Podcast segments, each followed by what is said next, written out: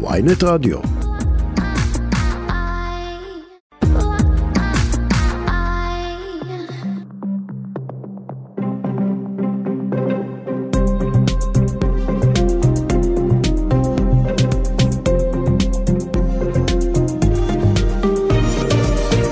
עכשיו בוויינט רדיו, שרון קידון וישי שנרב.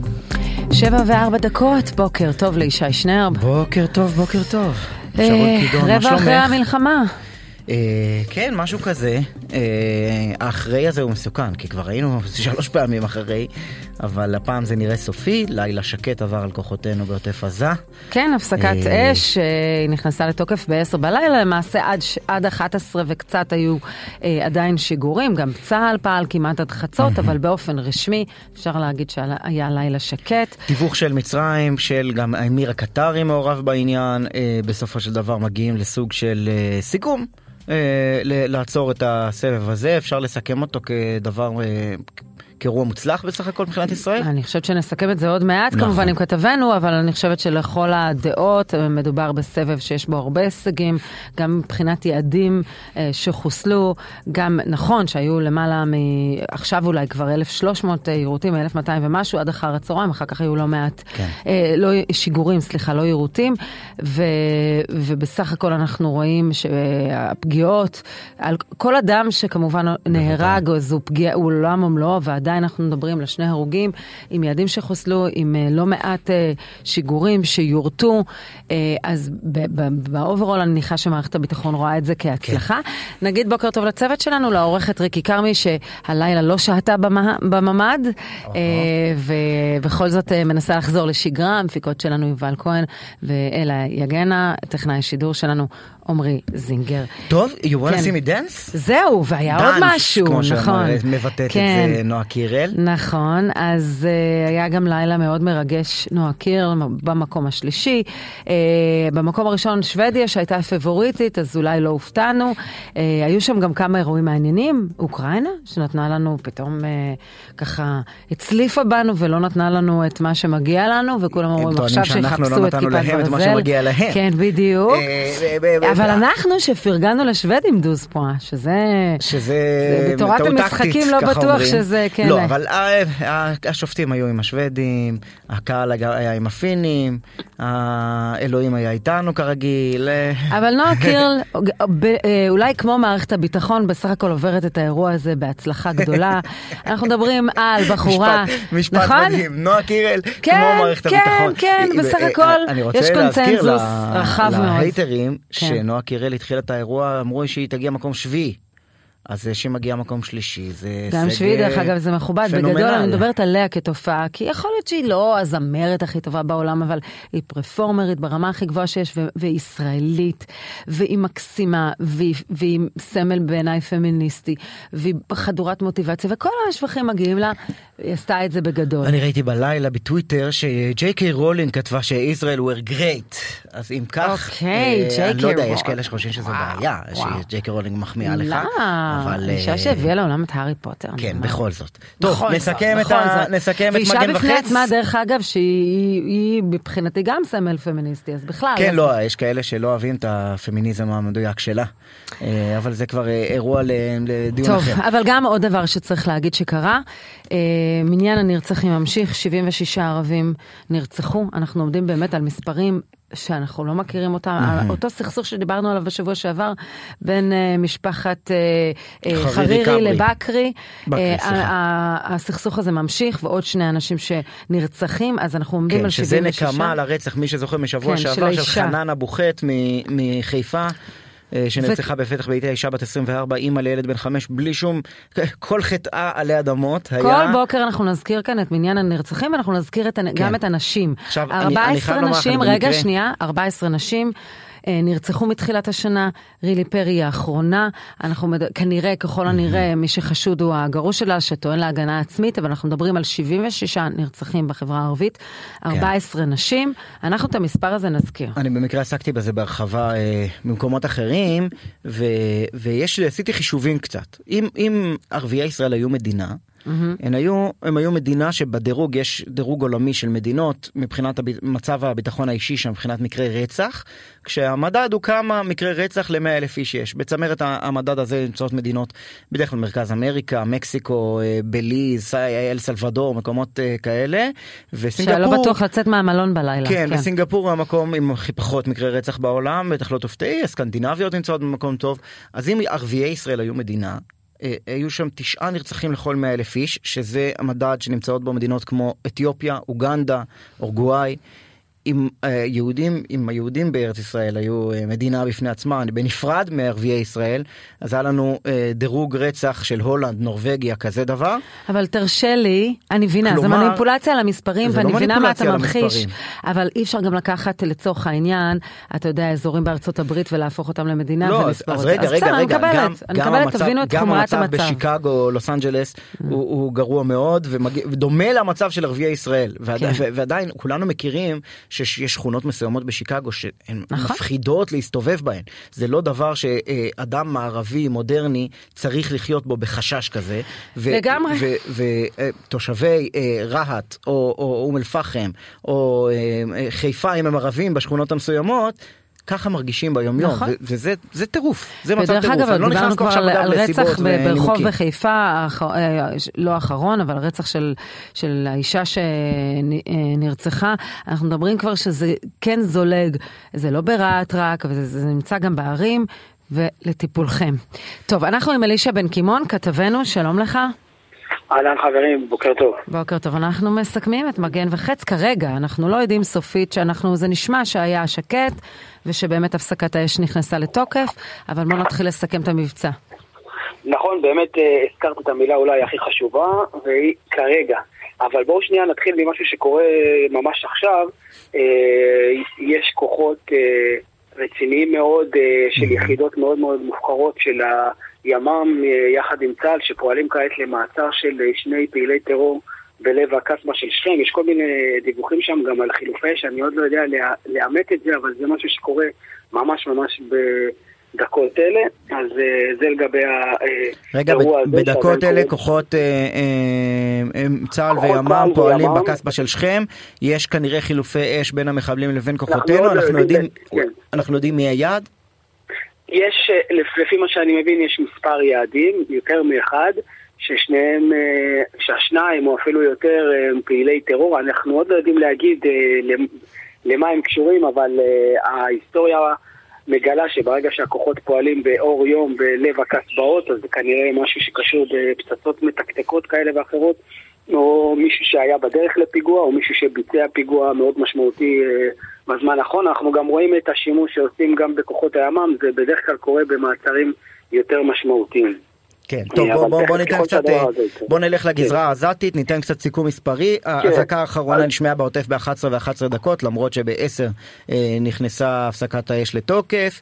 אה, בפועל, אחרי חילופי המהלומות משני הצדדים, יש הפסקת אש, לפחות כך זה נראה, שכובדה במהלך הלילה.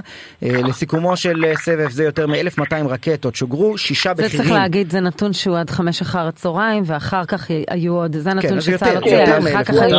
אנחנו אומרים, שישה בכירים בג'יהאד האסלאמי חוסלו, שני הרוגים מעבר לקו.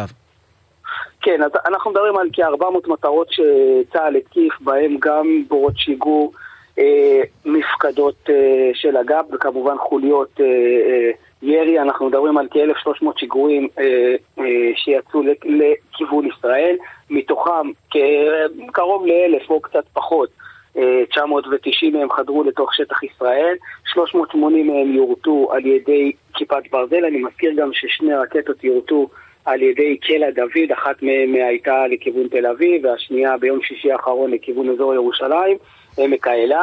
אמ, ואנחנו מדברים בעצם על 200, קצת יותר מ-220 שיגורים כושלים של אגב, כלומר ירי שנפל בתוך רצועת עזה, מתוך זה אנחנו מבינים על uh, סביב הארבעה או חמישה הרוגים בלתי מעורבים כתוצאה מהשיגורים הכושלים uh, הללו. אנחנו מדברים על התקיפה האחרונה של צה"ל, הייתה קצת לפני חצות, זה לפי ההודעה שלהם. כמו שהזכרת גם קודם, אישה, אנחנו מדברים על שישה מחוסלים באמת כל השדרה הפיקודית הראשית של גאפ בעזה, כאשר המחוסל האחרון היה בלילה שבין חמישי לשישי, שישי לפנות בוקר, והוא הבכיר ביותר.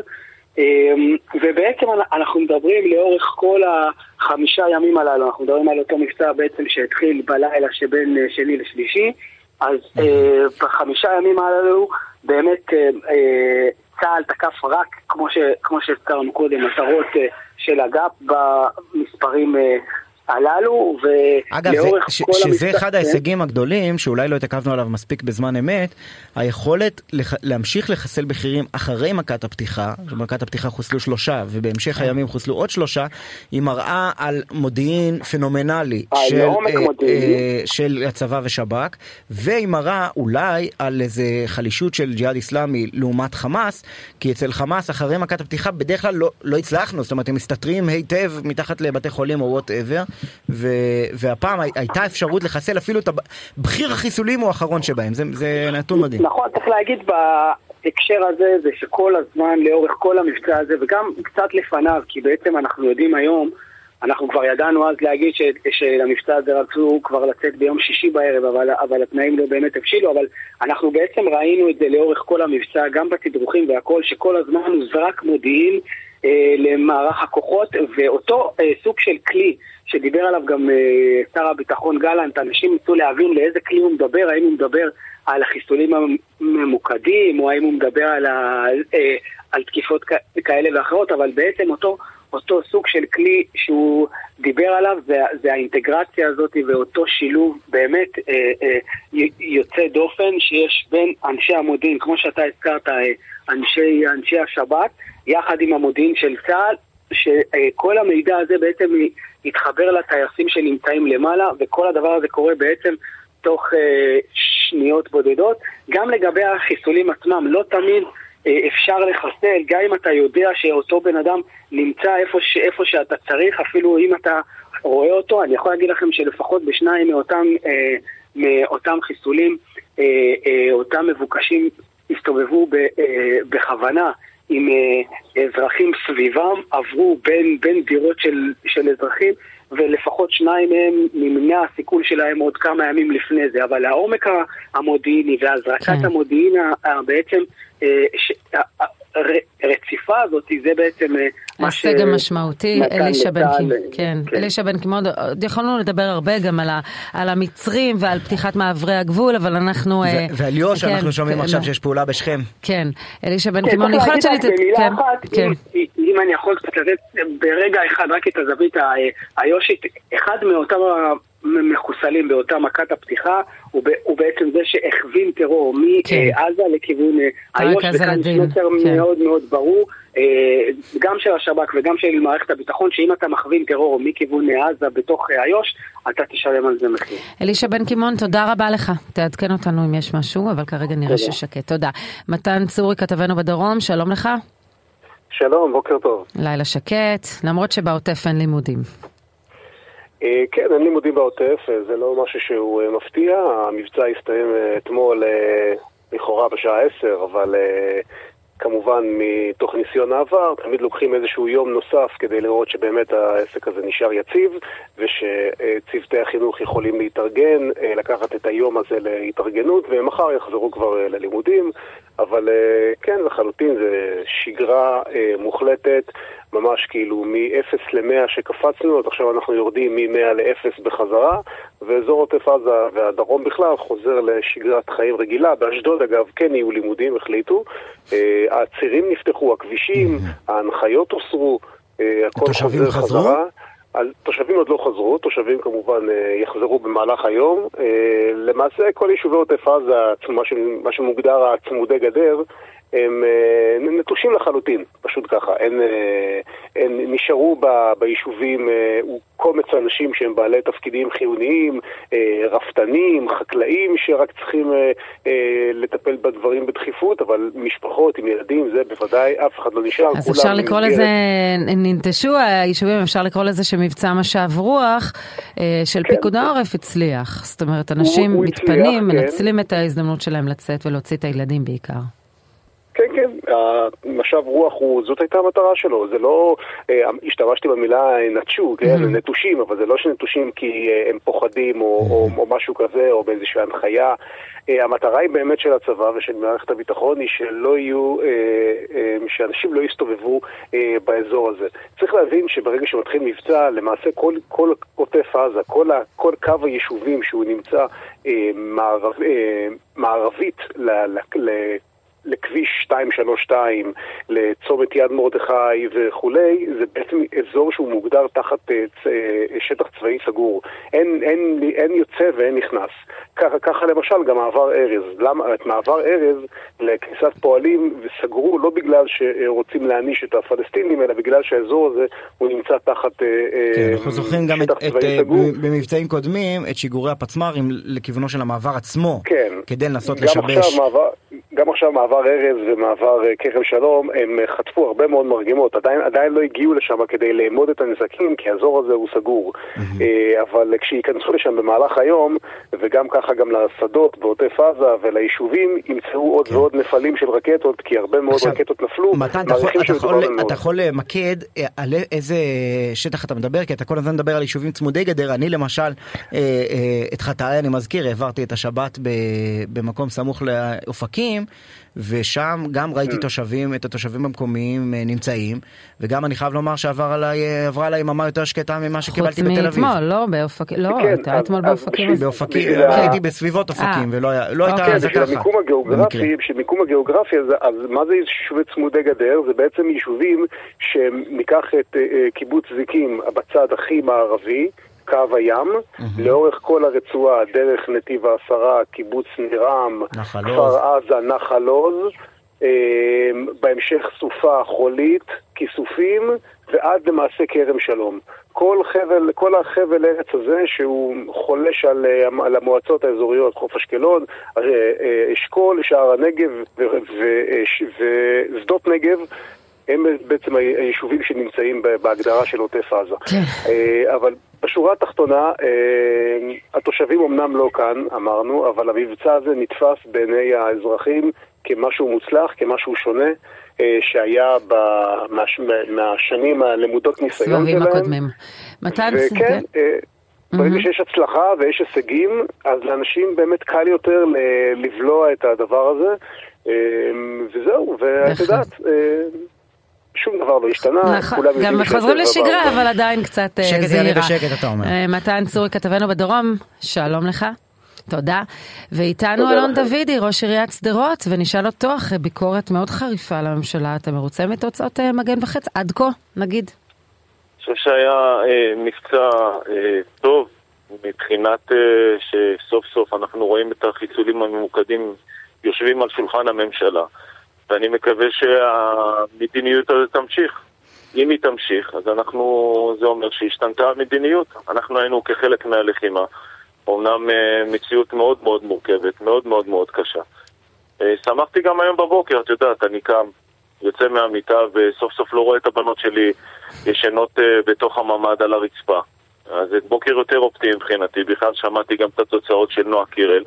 אה, אז בכלל אתה אופטימי. וגם תגיע אלינו אה, בקיץ בשדרות. אז, אה, אז אולי אתה רוצה לחזור בך מה, מכך שקראת לממשלה שהיא מחזיקה במדיניות רופסת? ודאי, לא, מה זה לחזור בי? אני חושב שהממשלה חזרה בעצמה, חזרה בה. עד עכשיו, שבוע שעבר, הממשלה אימצה מדיניות שגויה, מדיניות לא נכונה. ואני שמח שראש הממשלה שינה את המדיניות, ולכן גם uh, גיביתי ותמכתי ואמרתי שכל מה שצריך מבחינתנו הוא יקבל. ובעזרת השם אני מקווה שהמדיניות הזאת תמשיך. אתה חושב שבעקבות הלחץ שאתה הפעלת ואחרים, אה, אה, בעצם אחרי החלטה לא להגיב על הירי לשדרות ולפני שבוע וחצי, הוחלט לשנות את המדיניות? אני לא לוקח, אה, משתדל בחיים שלי לא לקחת, לא לקח קרדיט למעט זה שאני קם בבוקר. אני אומר את דבריי ואמשיך להגיד את דבריי, ומשתדל באמת... אולי זה לא אתה, אה, אולי זה בן גביר ואלמוג כהן, אתה יודע.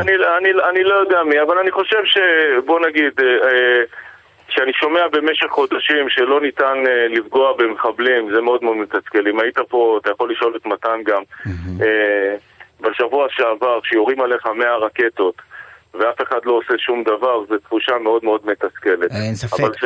אין ספק לא, אבל, אבל אני, אני מסתכל, על, אני מסתכל זה, על, זה, על זה סוגיית הסיכולים הממוקדים, ואני רואה שלפני תשעה חודשים במבצע חגורה שחורה, גם היה סיכולים ממוקדים של בכירי הג'יהאד האסלאמי.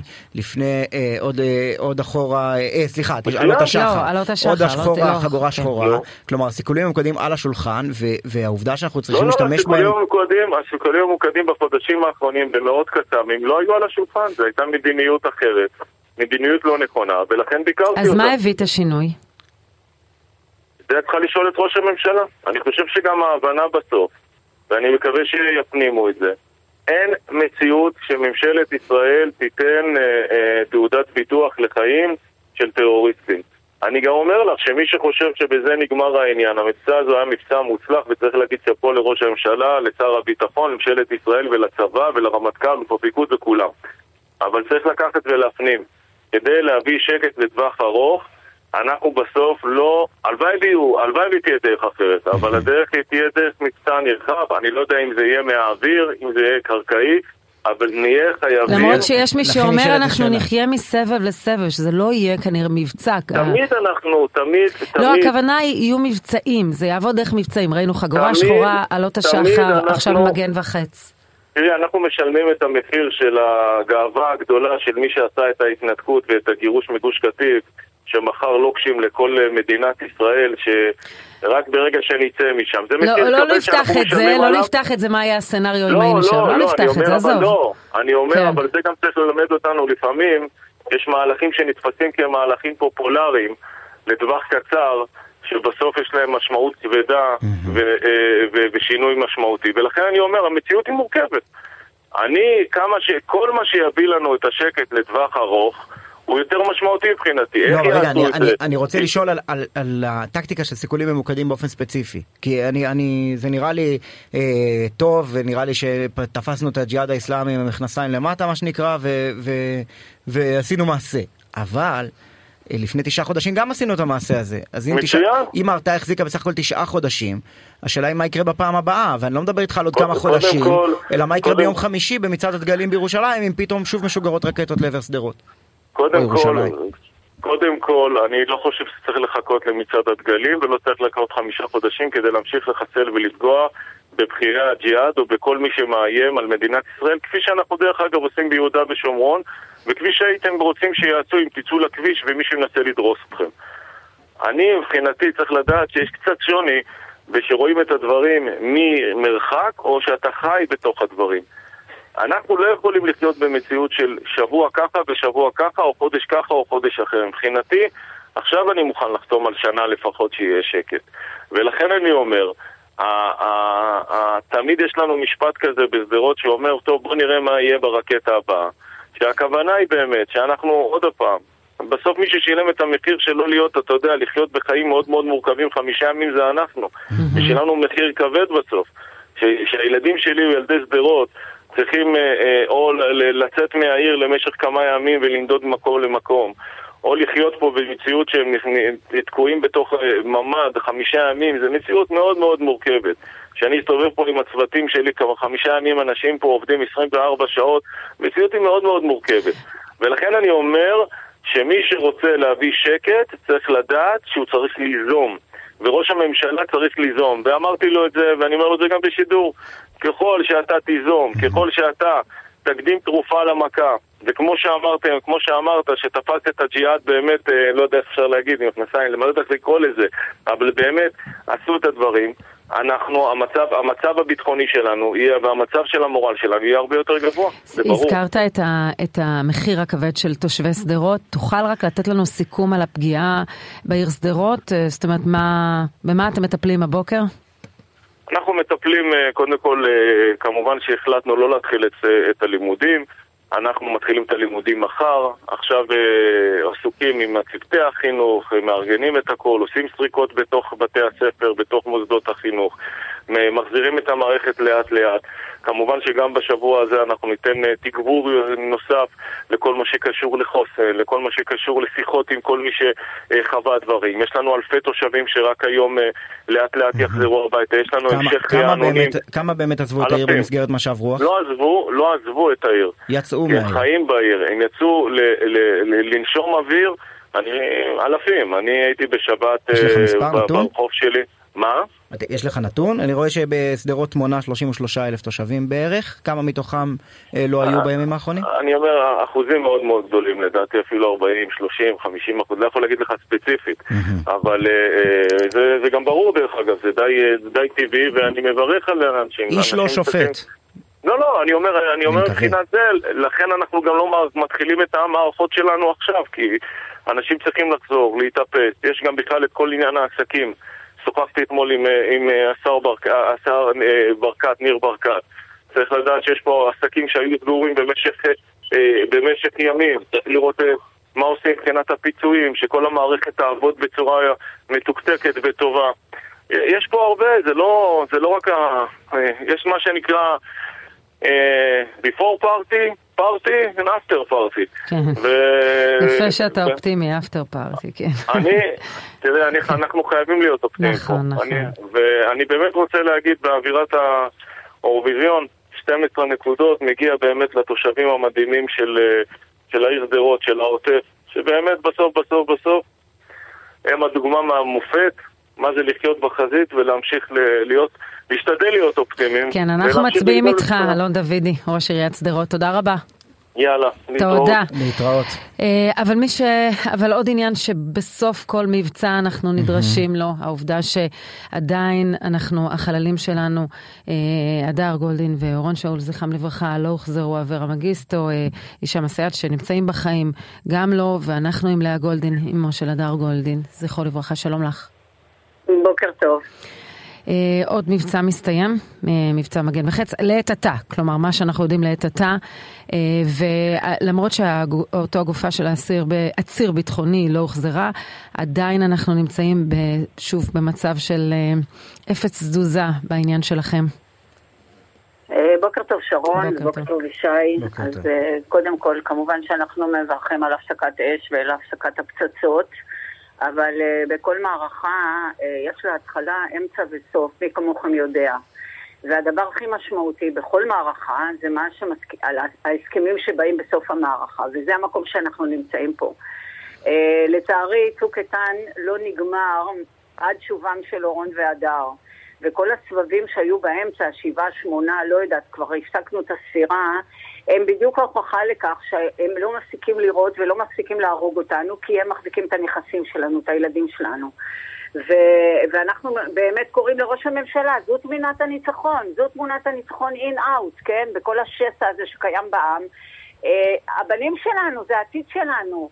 עכשיו, הטירוף מערכות שאנחנו חיים בו זה בעצם שאנחנו נלחמים על הערכים הבסיסיים של, שעליהם קמה מדינת ישראל.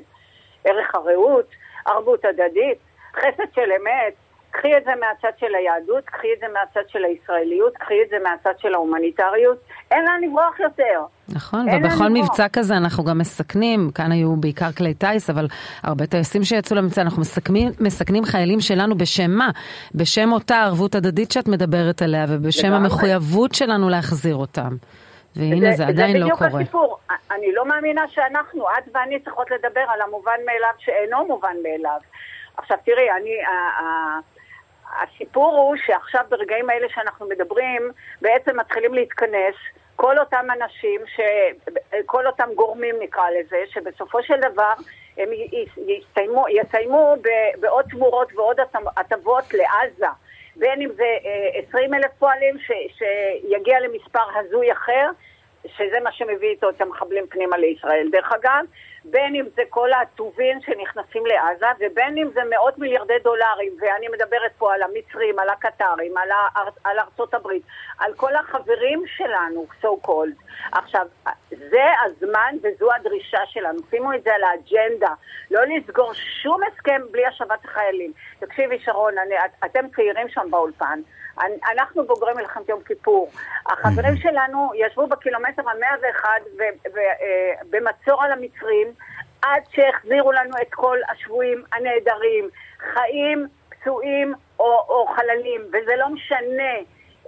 באתוס של צה"ל, בקוד האתי, כשמדובר על ערך הרעות, לא מדובר על המצב הגופני של החייל, מדובר על החובה שלנו להחזיר את החיילים בשדה הקרב כי לא משאירים חיילים מאחור. אבל מה יש... עוד צריך להיאמר שלא אמרנו? לאה, בבוקר הזה את יודעת אם יש עוד אפשרות לשנות את ההסכם, או שהוא נחתם אתמול? הסכם, אתה מצחיק אותי. אה, בתקשורת הערבית. פרסמו ממש נוסח. ההסכם הוא להוריד את האצבע מההדק. תבין, הפסקת, אני, אני לא מאמינה שאני צריכה להסביר את זה. לא, לא, אבל. אל-ג'זירה פרסמו כאילו יש איזשהו נוסח, יש לזה מסמך מתייחס. כן. בתיווך מצרי. קודם כל אין נוסח, כי אני יכולה להגיד לכם, ובבירור שעשינו מ-1 לאוגוסט 2014, כשפגשנו את, את אה, ראש השב"כ יורם כהן, שהוא היה בראש המשלחת לקהיר אחרי אה, סיום צוק איתן, וח, ובעצם סגרו את ההסכמים ב-28 לאוגוסט, כן? כמעט חודש מהמם, אחרי כן. שהורידו את האצבע מההדק. הרי זה המציאות, מורידים אצבע מההדק, וטוב שכך. נכון, לא, אני- שכך, אני רק אומר, את קוראת- אז- אז היא אומרת שאין את- פורמליסטיקה את כל כך, קוראת, כמו את שחושבים. קוראת ל- ל- לא לאפשר יציאה של פועלים בצורה כזאת מסיבית, לא לאפשר העברה של לא, מ- מיליארדי לא, דולרים אני לרצועה. לא אמרתי את זה. לא? אתה אמרת את זה. אוקיי, אז אז לא הבנתי אומרת, לא הבנתי אז- מה שהצעת קודם לגבי מה לא הפועלים ברור? ולגבי מה לא ברור? המיליארדים. אם יבוא- אם יבוא אליך גנב הביתה עכשיו, אתה תפתח לו את הדלת, או שתגיד לו, לא, תחזיר לי קודם מה שגנבת, ואחר כך אני אשב ואני אדבר איתך. תקשיב, אנחנו להתלות נמצאים את זה, במצב... כן. אנחנו נמצאים במצב מלחמה. מאחורי עזה יושב אויב שכל יום מחשב איך לרצוח אותנו. לא רק את החיילים, גם את האזרחים. תפסיקו להתייחס לעניין הזה כאילו אנחנו עוצרים אותם. הם עוצרים לנו את החיים. עכשיו, אני לא יושבת בדרג המדיני ולא בדרג הצבאי. אני פה יושבת ולצידי עומדות האימהות של כל חיילי צה"ל, באשר הם היום ובאשר הם יהיו. לא, לאה, אני בסדר, אני- אני- אני אעביר את- אני. אעביר את שאלתי, אני שואל אם אה, אתמול, או מתי שלא, אה, בעצם סגרו בתיווך של אני לא יודע מי, מול ג'יהאד איסלאמי על הפסקת אש, אם אם דיברו איתכם בכלל, אם הכניסו את אותי, העניין של. השבת הבנים לתוך הסיפור הזה, או את את העניין של הלחץ על הרצועה כפי שאת אה, אה, מדברת עליו, או שזה בכלל לא. חלק מהסיפור. הבנתי אותך. קודם כל, אף אחד לא דיבר איתנו, בסדר? אני שולחת מכתבים לכל העולם, שולחת וואטסאפים, לא מדברים איתנו. נקודה. תפסיקו עם הדיבור, אני לא צריכה דיבור, אני צריכה מעשים. עכשיו לשאלתך, לעצור את הפועלים. אז בוא נתקן, בוא נדבר עברית תקינה. עצרו כבר את הפועלים, נכון? בזמן שהיו פצצות והיו אה, מאות רקטות על הראשים שלנו, לא נכנסו פועלים, נכון? אז מישהו אחר עצר את הפועלים בגלל שהם רוצים להרוג אותנו. עכשיו יש נקודת זמן שירימו שוב את המחסום ארז, שאגב, לנו קוראים לו מחסום כי אנחנו לא יכולים להיכנס, להם קוראים לזה אה, מעבר, מעבר. כי הם עוברים אלינו. שים לב לניואנסים האלה. עכשיו, הסיפור הוא שמישהו כבר עצר את זה. עכשיו, בנקודת הזמן שרציתם להרוג אותנו, מה יותר פשוט ומה יותר מתקבל להגיד להם אין בעיה? על הפועל הראשון שנכנס, אתם, אתם מביאים לנו את החיילים שלנו, ומביאים לנו את האזרחים שלנו. זה משא ומתן תקין לגמרי, ואתה יודע מה? זה מה שנדרש על פי הדין הבינלאומי. זה בדיוק החוקים, זה בדיוק החלטת האו"ם של מועצת הביטחון 2474, שאנחנו השגנו אותה, אנחנו דחפנו אליה, שאומרת אחרי כל armed conflict, אחרי כל עימות מזוין, בכל מקום באשר הוא, ברגע שנחכמים הסכמים באותו מקום אחרי המלחמה, הדבר הראשון זה להחזיר את הנעדרים והחללים כצעד בונה אמון. קוראים לזה באנגלית confidence building measure. ואני שואלת עכשיו את ראש עיריית שדרות ואת כל יושבי העוטף, האם לא זה מה שהם מצפים לו, שנתחיל בצעד בונה אמון שהאויב הזה יראה לנו ויוכיח שהוא באמת מתכוון להפסיק להרוג אותנו. עכשיו, ת, תקשיב, אנחנו נמצאים במצב שאין לנו, אין לנו על מה להתגאות היום, לא בחברה הישראלית ולא מול ההתמודדות מול עזה. וזה שמספרים לנו שיהיה עוד סבב, זה הפנים של הכישלון.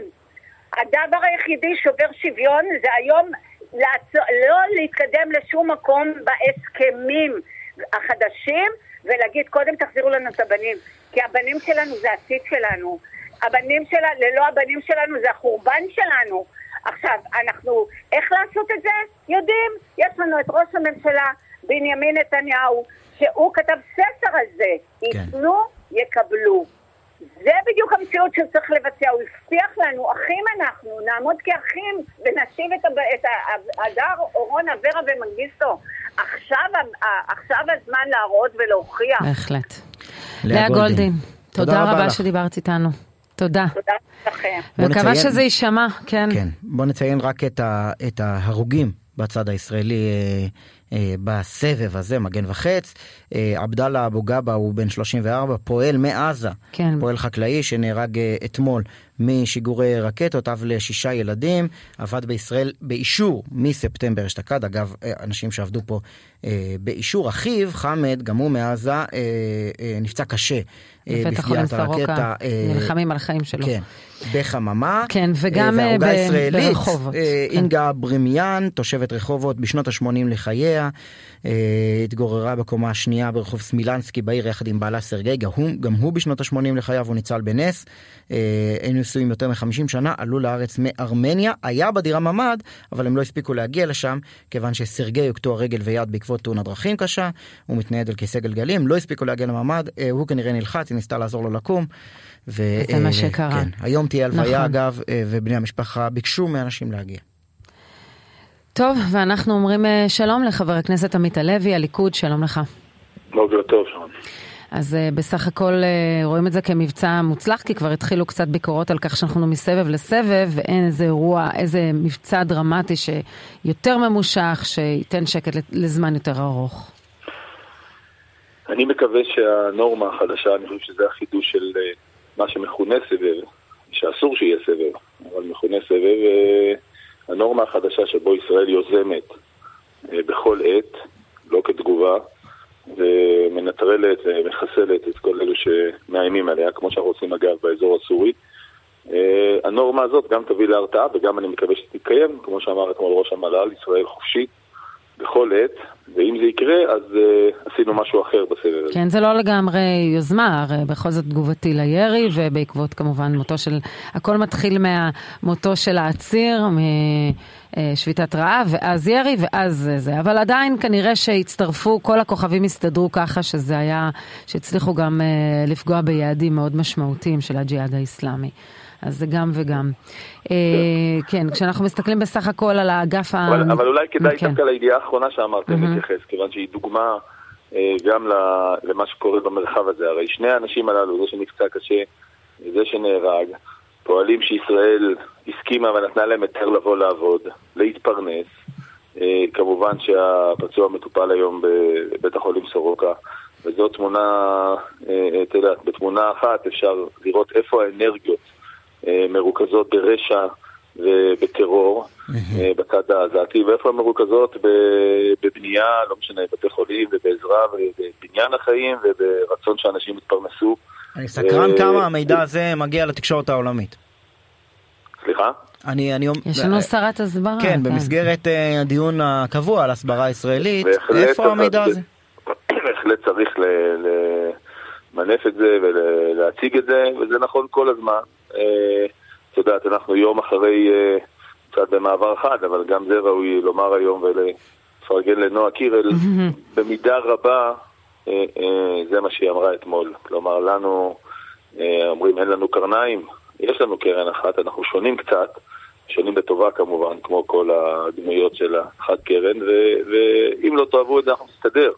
אבל אנחנו מציעים וצריכים להנגיש את הצד הזה. והוא הצד העיקרי של ישראל, ואני אומר שוב, זה, זה שני צדדים של אותה משוואה. כן, אבל מה שישי אומר, כשראינו בסבבים קודמים פעילות מואצת ברשתות, וממש מלחמת נגד כדי להראות את הנושא של האוכלוסייה האזרחית, וזה כאן, ישראל לא פעילה מספיק בשדה ההסברה. כמה סרטונים שהשרה בעצמה מצלמת, שלא היא אמורה להיות כמובן בפרונט. אני מאמין ש... אני מאמין, אנחנו, את יודעת, גם בתחום, ודאי משרד ההסברה, עד שהוא יתארגן מבחינה אדמיניסטרטיבית, כל הדברים האלו בבירוקרטיה הישראלית לוקחים זמן, אני מאמין ובטוח שגלית עם לשונה מושחזת ועם היכולות שלה תעשה הכל כדי שהדברים האלו... כן, זה דורש אגב קמפיין עומק, זה לא קמפיין נקודתי אוקיי. על סבב מסוים, זה קמפיין עומק על מי נכון. צודק בסיפור הזה ועל העובדה שאת הרע צריך לחסל, וכמו שאמר נתניהו, לא רק לחסל אותו, לחסל גם את מחליפו וגם את סגנו בכל עת. כשנתניהו רואה אתמול את הסקרים, שכמובן אה, תומכים במנהיגות שלו בהיבט הביטחוני, כשהוא רואה את העובדה ש, שפתאום כששמים בצד את כל העיסוק הזה ברפורמה, המדינה כן יודעת להתלכד. כשאתם מסתכלים על זה, אולי אתם לומדים מזה אחורה ואומרים אולי צריך לשים בצד, נעשה את האדפטציות שצריך לעשות, אבל כל האירוע הזה של, ה, של הניסיון לייצר מהפכה משפטית בצורה כזאת דורסנית, האירוע הזה היה כולו טעות. אנחנו רואים את מדינת ישראל שמסתבר שכשהיא צריכה להסתדר ולהתחזק ולהסתופף סביב המנהיגות, היא עושה את זה. לא חושב שיש סתירה בין שני הדברים שאת אומרת. יש סתירה, לא- כי אנחנו רואים שנתניהו תוך שבוע זוכה לתמיכה במנהיגות שלו, אז כנראה לפני זה לא. המדינה אומרת את דברה, הציבור אומר את דברו. הוא אומר, אנחנו, מה שעשיתם קודם, פילגתם, טעיתם, לא כולם רוצים משהו בהסכמה, טעיתם, והנה עכשיו הם אומרים, הנה, אתם, כשאתם עושים, עוסקים בדברים החשובים באמת, אנחנו מאחוריכם. כן, אז קודם כל אנחנו, בניגוד למה שאמרת, לא עשינו שום דבר בצורה דורסנית, להפך. לעשות בצורה דורסנית זה... יודעת שאזרחי ישראל קמים בבוקר ופתאום מגלים להם שיש חוקה למדינת ישראל כשהם לא חתמו על זה ולא כוננו את זה ושאפשר לבטל חוקים של הכנסת. זאת דורסנות, כן. זאת דורסנות, זה מה שקרה ב-27 שנים האחרונות. זה האנשים שקמו בבוקר והרגישו שהם תחת דיכוי משפטי, אגב גם בנושא הביטחוני. כשראשי מערכת הביטחון רצו לעשות מעצר מנהלי על עובד וטירני או שרצו לעשות גדר הפרדה, כל הדברים האלו נמנעו מאיתנו בבג"ץ פעם אחר פעם. ולכן הסיפור המשפטי הוא, הוא בוודאי לא נעשה על ידינו בדורסנות. והוא יחזור על הפרק מיד? הוא נעשה בשקוף, הוא על הפרק. הוא חוזר? לא ספק שהוא חייב להיות על הפרק, כיוון שאנחנו שליחי ציבור, ואין לנו כוח אלא מכוח הציבור. ולכן הציבור בישראל הציבור אמר, לא אמר מאוד יפה, שיכול להיות לא שמערכת המשפט צריכה לשינוי, אבל כפי שעשיתם את זה, עובדה שראינו את אה, גם המנדטים וגם את התמיכה בנתניהו ירדה משמעותית. הציבור ענה לכם. תראי, הציבור אה, לא רוצה לריב, וזה בסדר, וגם אנחנו בנושאים גדולים בוודאי לא מעוניינים לריב, זה לא שדמוקרטיה אין בהכרעה, אבל מעוניינים שהנושאים האלה יבואו בהסכמה, ולכן כידוע לך מתנהלות שיחות בבית הנשיא. ואני מקווה שאכן הם יגיעו להסכמה רחבה, לפחות בנושאים האקוטיים או הבסיסיים ביותר. אה, ובלי קשר כמובן, כמו שאת אומרת, חיזבאללה ואיראן וחמאס, אף אחד לא... אה, מחכה לרפורמה כזאת או אחרת, יש להם את הרפורמה שלהם, והיא כתובה, אתה יודע, את החזון השיעי כתוב שם על הקיר בענק, ומול זה צריך להתמודד כל הזמן, וזה... ולכך יש אה, תמיכה. אני שוב, אני גם זה אומר, אני מקווה מאוד שהסבב הזה לא יהיה ברצף הסבבים, אלא גם במערכת הביטחון הישראלית ישתנה משהו עמוק, כיוון שהעובדה שכמה מאות פעילים יכולים לשגע מדינה שלמה זה לא ניצחון. הניצחון הוא אך ורק אם אנחנו אכן משנים את המשוואה, כפי שאמר ראש הממשלה, כלומר שאנחנו יוצרים הרתעה אחרת ושינוי של דפוס הפעולה הישראלי. כלומר שמחר בבוקר יש אדם שמקים מחסן אה, אה, טילים כנגד ישראל, כמו שהוא עושה את זה בגבול הסורי, המחסן הזה יורד. תשמע, יש, יש, יש ארגון גדול שעושה את זה נונסטופ, קוראים לו חמאס. אה, הוא אפילו שיגר עלינו מלבנון רקטות רק לפני חודש, וישראל לא נוגעת בו כרגע. נכון, אז אתה צודק, אז, אז אני אומר שוב, הכל צריך לעשות, זה ברור לגמרי שיושבים מערכות הביטחון, ובראש ובראשונה ראש הממשלה ושר הביטחון והקבינט, אה, צריכים לעשות את כל השיקולים כולם, והכל משתכלל בסוף לאינטרס הכללי, שהוא לא תמיד אה, על פעולה ספציפית. אבל אני אומר שוב את דעתי, אם מהמערכה הזאת גם חמאס וגם חיזבאללה, הרי אנחנו הגענו ל- ל- לעשרות אלפי, אם לא יותר, טילים בלבנון, שמכוונים אלינו, למה? כי נתנו לוואקום הזה, אה, אל הוואקום הזה, נתנו לכוח הנוראי הזה, הרע הזה, הטרוריסטי הזה להיכנס. ולהתעצם. זה אסור שיקרה, ולכן, אגב, זאת הייתה המדיניות גם בשנות ה-70 וה-80 כשאני הייתי ילד. מדיניות החיסולים הייתה מדיניות אז, אז זה נכון לא שעוצמה לא יהודית, אה, שלוקחים במובן מסוים קרדיט על זה שהם החזירו את זה לשולחן? שהליכוד עצמו, אה, זאת אומרת שנתניהו הושפע מהלחץ הפוליטי. זה משעשע, אבל זה בעיקר עצוב, אה, כיוון שההתעסקות הזאת בכותרות היא תפלה. במאבקי הקרדיט הם תפלים, זה לא שהיום, את יודעת, לא, זה לא האירוע הראשון שבנימין נתניהו מנהל, ובכלל, אני אומר לחבריי בקואליציה, גם לידידי השר בן גביר, אה, את יודעת, הוא מנהל משרד ענק.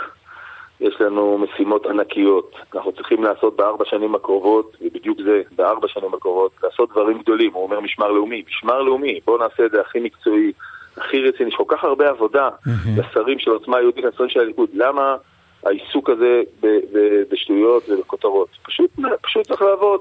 להערכתך הקואליציה יכולה להשלים ארבע שנים עם כזו סיעה בתוכה? יכולה להשלים משתי סיבות.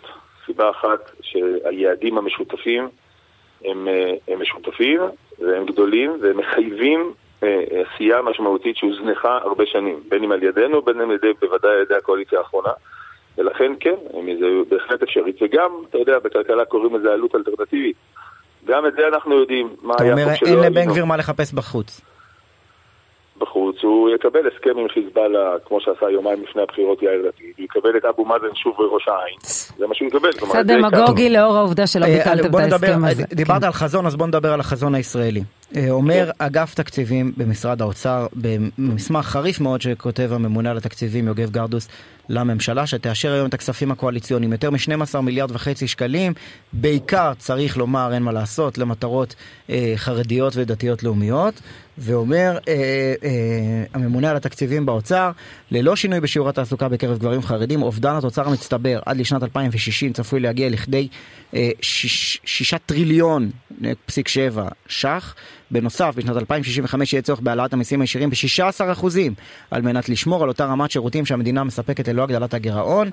אה, עמדה זו מציגה את ההיבטים הכלכליים המרכזיים בהחלטה ואינה מתייחסת לפן ערכי. כלומר, נטו כלכלה הסיפור הזה הוא שמדינת ישראל מבטלת את התמריץ לצאת מהעוני. אין ספק שיש לנו משימה, אני חושב שהיא משותפת לכל מפלגות הקואליציה, אבל המשימה הזאת שמבקשת להכניס למעגל העבודה, וזה מתחיל מלימודי הליבה ועד אה, ממש הכנסה למעגל התעסוקה אה, של קבוצות שלא נמצאות שם. זאת משימה, אה, היא גם ערכית והיא גם כלכלית. אצלם אנחנו עושים, יש היום תוכניות חדשות, לא הכל מפורסם בתקשורת, אני אתן לך דוגמה אחת רק לזה שצה"ל אה, בחודשים האחרונים ממש מקיים שתי כיתות ענקיות של כל כיתה 50 אה, חרדים שבעצם התחיילו לשלוש שנות שירות בצה"ל ובשנה הראשונה שלהם הם אה, לומדים בהייטק וזה יהיה כמו עושים הכשרה, עוברים הכשרה של טכנולוגיה עילית ו... ו כן, הנשק שהם יראו זה, זה, זה כמו שרבים היום, כן, נשק טכנולוגי, להעיף שם איזה צנטריפוגה או להוריד את החשמל במקום אחר, והיו לאירוע הקטן הזה אלפיים מועמדים, נבחרו מתוכם שתי כיתות של חמישים. ודברים מהסוג הזה, פרויקטים מהסוג הזה של צה"ל ואחרים, אנחנו צריכים לעשות, זה מתקיים אגב בבני ברק. היה גם, את פרויקט, היה גם את פרויקט שחר כחול שרץ כבר המון שנים, נכון. ושחר ירוק שרץ כבר המון שנים, כולם ברוח זו, ובכל זאת נתוני הגיוס אה, החרדים, שפורסמו רק שבוע שעבר, הראו שיש ירידה, פחות מ-1200 מתגייסים לשנה, למרות שהיו שנים של זיוף, עכשיו הגענו לנתוני האמת והם בירידה. אתה אומר, דיבר על המשימה של לימודי הליבה, באה ממשלת ישראל היום ומודיעה למוסדות החינוך החרדיים, אתם לא צריכים ללמד ליבה, אתם לא צריכים לשאול, אין שום תמריץ לדבר הזה, אתם תקבלו כסף בכל מקרה. אתה אומר, יציאה לעבודה, באה ממשלת ישראל היום ואומרת לאברכים בכוללים, אתם לא צריכים לצאת לעבודה, אתם תקבלו עדיין כסף.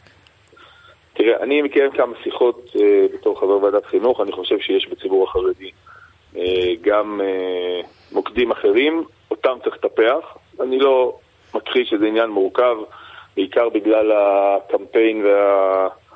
וה... בתוך החברה החרדית ועוד uh, אה, דברים שקורים שם, ועם זאת, ואני, תשמע, יש יותר מעשרת אלפים סטודנטים היום בחברה החרדית, יש... 50% אה, נשירה מהאקדמיה במגזר החרדי. ציבור העובדים... אלה סיפורי סבתא שלא קוראים. ובמקום לא, לא, לתמרץ, לא, במקום, לא, אני במקרה מצוי מאוד בנתונים בסיפור הזה. כן. ובמקום אה, לתמרץ, אתה אומר, יש לנו משימה חשובה לשלב את הציבוריות החרדית בתעסוקה בישראל, בכלכלה הישראלית, בצבא הישראלי, אבל כל מה שהממשלה עושה היום, ואומר אגף תקציבים, ואומר כל נתון אפשרי, הוא להרחיק אותם. אני חוזר ואומר, אני חושב שהכיוון הוא נכון, וצריך לעשות כל מאמץ, אני לא... אה, לא יכול להגיב לך עכשיו על כל סעיף בתקציב. אני כן יכול לומר לך, בוועדת חינוך אה, נעשים מאמצים מהסוג הזה, ועוד ייעשו, וזה צריך לעשות את זה פשוט בצורה, בגלל שככל שאתה אה, מייצר איזשהו תמריץ חיובי הוא דבר אחד, ואמירות לפעמים אחרות הן גורמות להתקפדות דווקא, להתכנסות ולהתחפרות. זה לא ספק זה על השולחן, זה לא ספק צריך לקרות, אני חושב שהציבור החרדי מבין את זה היטב. נתת דוגמה אחת רק, לאלף מועמדים לכיתה של חמישים, זה קרה לפני חודשיים, אה, ישי. אה, והם לומדים היום בבני ברק, כחיילים בצה"ל. ואני אומר לך שיש הפוטנציאל הוא גדול, אבל אתה צודק. הפוטנציאל הוא גדול, אבל באמת צריך לצד זה שנותנים מענקים ומוותרים על לימודי ליבה והכל, צריך לעבוד מאוד מאוד קשה, כי זו הפצצת המתקתקת שלנו. אני רוצה לפני סיום התייחסות כן. שלך למצעד הדגלים ביום חמישי. אנחנו נמצאים בתקופה מאוד מאוד נפיצה, אנחנו יודעים כמה זה יכול לעורר שוב את השטח, אנחנו חוזרים היום לשקט. לדעתך, מצד אחד הבטיחו שהמתווה יהיה, המתווה של ריקוד הדגלים, מצעד הדגלים יהיה בשנים קודמות, מצד שני אנחנו מדברים על תקופה מאוד נפיצה, מה דעתך? דעתי שהתקופה הנפיצה הייתה בתר"פ ותר"פט ותרצ"ו, התקופה הנפיצה הזאת היא 100 שנה, אה, אה, שרון, שאנחנו מנסים לקיים כאן את המסגרת הלאומית שלנו, את מדינת ישראל, ויש כאלה שזה לא מוצא חן ביניהם, למרות שהמסגרת הזאת, או הלאומיות שלנו, היא באה להביא ברכה לעולם, וגם ברכה לעולם הערבי, ואכן הביאה ברכה לעולם הערבי, ברכה רבה. יש כאלו בשנים האחרונות שהכירו בזה, כמו ארבעת המדינות בהסכמי אברהם, שמבינים שהארץ הזאת היא שלנו, ואנחנו באנו פה ברוח אברהם אבינו דווקא לקדם אה, אה, ערכי מוסר וברכה. ואלו שלא, צריכים לראות, אה, אה, לצערי, אבל צריכים לראות גם נשק, הנה תראי את המבצע האחרון, כמה אנחנו משתדלים מאוד לא לפגוע באנשים של בלתי מעורבים. ועם זאת, אנחנו, אה, אה, אם לא נישא נשק, כלומר אם נושאי הצדק לא יישאו נשק, אז הם, אז הם לא יהיו כן. בכלל. ולכן אנחנו כאן ולא צריך לוותר על אף דגל ועל אף מצעד, ומי שלא מוצא חן בעיניו בירושלים, במזרח ירושלים או במקום אחר או בעזה, אז uh, יקבל תשובה הולמת. אני מסתכל, אני מסתכל מה קרה בשנתיים האחרונות, בשנה שעברה uh, השר בר לב אישר את, לקיים את המצעד במתווה הרגיל, וה, והמצעד אכן צעד והחמאס uh, נאלץ להתאפק, ולפני mm-hmm. שנתיים ראש הממשלה נתניהו ביטל את המצעד בסוף ברגע האחרון, ואני שואל את עצמי מה יקרה השנה. כן, המצעד יצעד. אה, להערכתי בסוף, אה, גם לפני שנתיים, סיטואציה פוליטית מאוד מסוימת ועם אה, מערכת לחצים מאוד מסוימת, אני מקווה מאוד ומאמין. לא רואה שום סיבה, וראינו את זה רק בימים האחרונים, הרי הייתה כאילו דרישה כזאת של הארגון הקיקיוני הקרוי ג'יהאד איסלאמי. והדרישה הזאת כל כך קיקיוני, שבכל זאת הוציא לכאן 1,300 שיגורים, אז כן. כן, צודקת, צודקת. זה, ועדיין הוא קיקיוני, ולכן זה באמת הזוי, שמאות הסיטואציה הזאת ש... שארגון קיקיוני מבחינה כמותית אה, יכול לעשות את זה, זה כמובן בגלל שהוא מתופעל על ידי מדינה לא קיקיונית בשם איראן. אבל. אנחנו צריכים להגיב בהתאם, המצעד יצעד, הדגלים אה, אה, התנוססו, ירושלים שלנו, ירושלים גדולה, ירושלים היא עיר הבירה שלנו, שום דבר אחר. ככל שאנחנו חלשים בזה, אנחנו רק נותנים תיאבון לאלו שיוצרים. אנחנו יוצרים להם איזה סדק, כאילו הם כן. צודקים. כן. כן, לקראת סיום, שמעת את, אני לא יודעת אם שמעת את זנב דבריה של אה, לאה גולדין, אה, הייתה ממש אייטם לפניך. כן, שמעתי. כן, אז שמעת. רציתי את ההתייחסות שלך באמת לקריאה הכל כך כואבת שלהם, שכל הנושא הזה של החזרת החללים, וכמובן גם האזרחים, החיים, אה, נשכח לחלוטין, וכאשר אנחנו מנהלים איזשהו דיאלוג דרך המצרים, אפשר היה גם להכניס את הנושא הזה. אני חושב ש... לאה גולדין צודקת בכך שאנחנו צריכים למנוע ככל האפשר אה, אה, כל פעולה מוניטרית מצידנו עד שהבנים לא חוזרים. אני לא בקיא בזה, את יודעת, יש, אה, אני לא מעורב בדיונים עצמם, שהם ודאי דיונים שיש להם עוד שיקולים, ואת כולם צריך לשקול, אבל באופן בסיסי העמדה המוסרית שלה, שלא צריך להכניס אף אחד מעזה, אבל אף אחד מעזה, עד שהדבר הראשון שמגיע מעזה זה הבנים שלנו, אה, זאת עמדה מוסרית ראויה ונכונה וצריך לתמוך בה. בדיונים שאני השתתפתי בוועדת חוץ וביטחון כבר לפני שנתיים, עלו עוד כל מיני שיקולים בדיונים חסויים ואחרים. אז כל המערכת כולה בסוף, אתה יודע, ראש הממשלה שוקל את האינטרס הכולל, שהוא בעצם לטובת מדינת ישראל. כן, האינטרס הכולל מכתיב שבו, ש, שהיום או מחר פותחים את המעברים ומכניסים 20 אלף פועלים פלסטינים. כן, אז, אז, אז אמרתי את דעתי. אני חושב שלא צריך להכניס אף פועל אחד לפני שהדר גולדין נכנס חזרה הביתה. טוב, אני רוצה לסיום התייחסותך לדברים שכותבת אתמול חברת הסיעה שלכם, חברת הליכוד טלי גוטליב. היא כותבת, לשר התקשורת יש סמכות להפסיק שידורי תקשורת בעת מצב מיוחד ובעת חירום בעורף, ולכן היא מבקשת משר התקשורת להשתיק את שידורי 11, 12, 13 לפי סעיף 13 לחוק הבזק. מה דעתך על ההצעה הזאת? אני לא יודע לאיזה אמירה היא התייחסה, אבל באופן כללי השתקת כלי תקשורת בחברה חופשית היא דבר נוראי. ולא צריך להפסיק שום כלי תקשורת, צריך להיות מקרה מאוד, אתה יודע, אתה יודע, מקרה, אנשים עוברים על, אתה יודע, הסתה לטרור, לא יודע, דברים מהסוג הזה.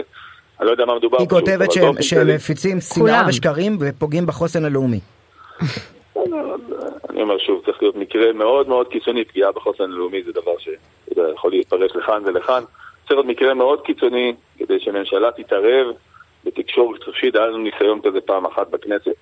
לסגור עיתון בדרך מתוחכמת. אתם יודעים, אנחנו מדברים על רפורמה משפטית. שרון, שרון הזכיר, כן, שרון הזכירה את זה קודם. אם יש ערובה אמ- אמיתית ועמוקה לזכויות ולשיח דמוקרטי, זה קודם כל הדברים האלו. חופש ביטוי, תקשורת חופשית. כן. ארגוני, ארגונים שיכולים להתאגד, אה, אה, זכות ההתאגדות, אלו הדברים באמת שיוצרים חברה חופשית עוד לפני יפה, טוב. ראיתי, ראיתי דעה קונספירטיבית שראתה חברת הכנסת גוטליב שמחר מתראיין בוויינט רדיו עמית הלוי על פניה וצייצה ציוץ. חבר הכנסת עמית הלוי מהליכוד, תודה רבה. תודה רבה לך. אנחנו נהיה כאן בשעה הקרובה, ריק כרמי העורכת שלנו, מפיקות יובל כהן ואלה יגנה ועמרי זינגר הטכנאי שלנו.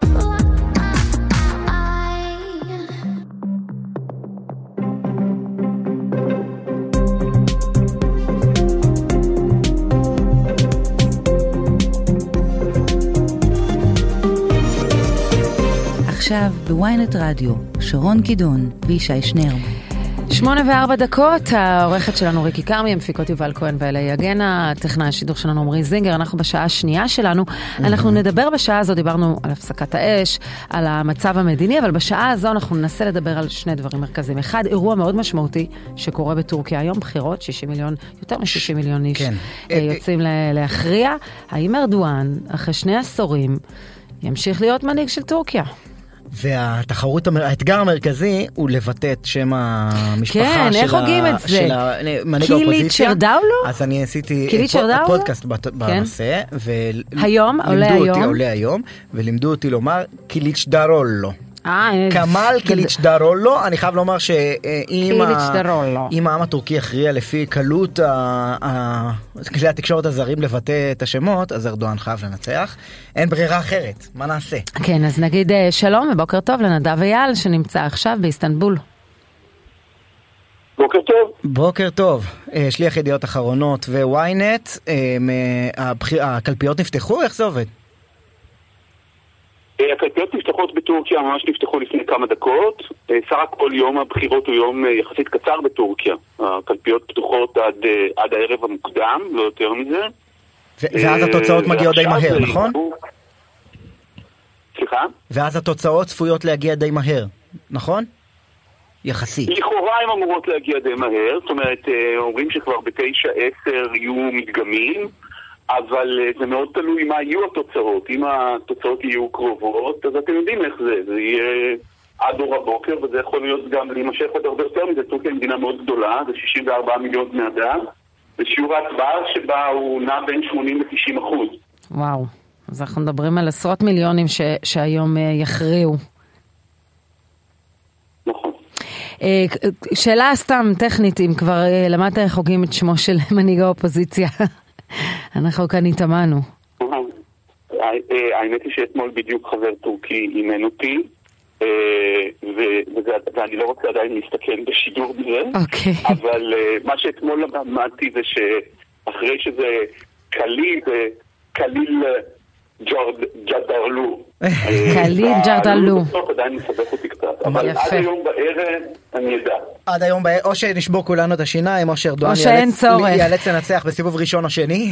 תגיד, הטענות על ההתערבות של אה, רוסיה אה, לטובת ארדואן וההתערבות של ארצות הברית לטובת מנהיג האופוזיציה ודרישה של מועמד נוסף לסגת מההתמודדות שלו, אה, עד כמה זה באמת תופס, העניין הזה, השיח הזה?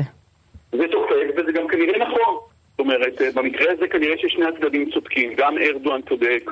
ביידן באמת אמר בקולו במהלך הקמפיין שהוא היה רוצה שיהיה שינוי משטרי בטורקיה, או איך שהוא התייחס לזה, ומצד שני, אה, הרוסים בקשר מאוד קרוב עם ארדואן, והם מביטים בעצבנות בבחירות האלה.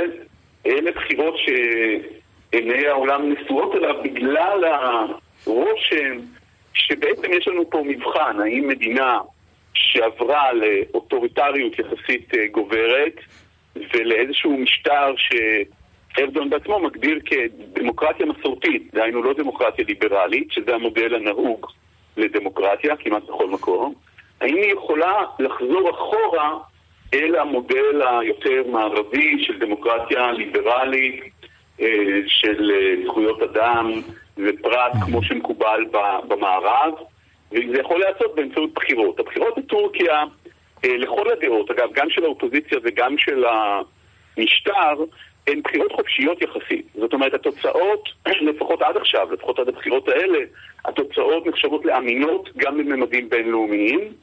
הטענה של האופוזיציה זה שהבחירות הן לא הוגנות. לא שהן לא חופשיות, אלא שהן לא הוגנות.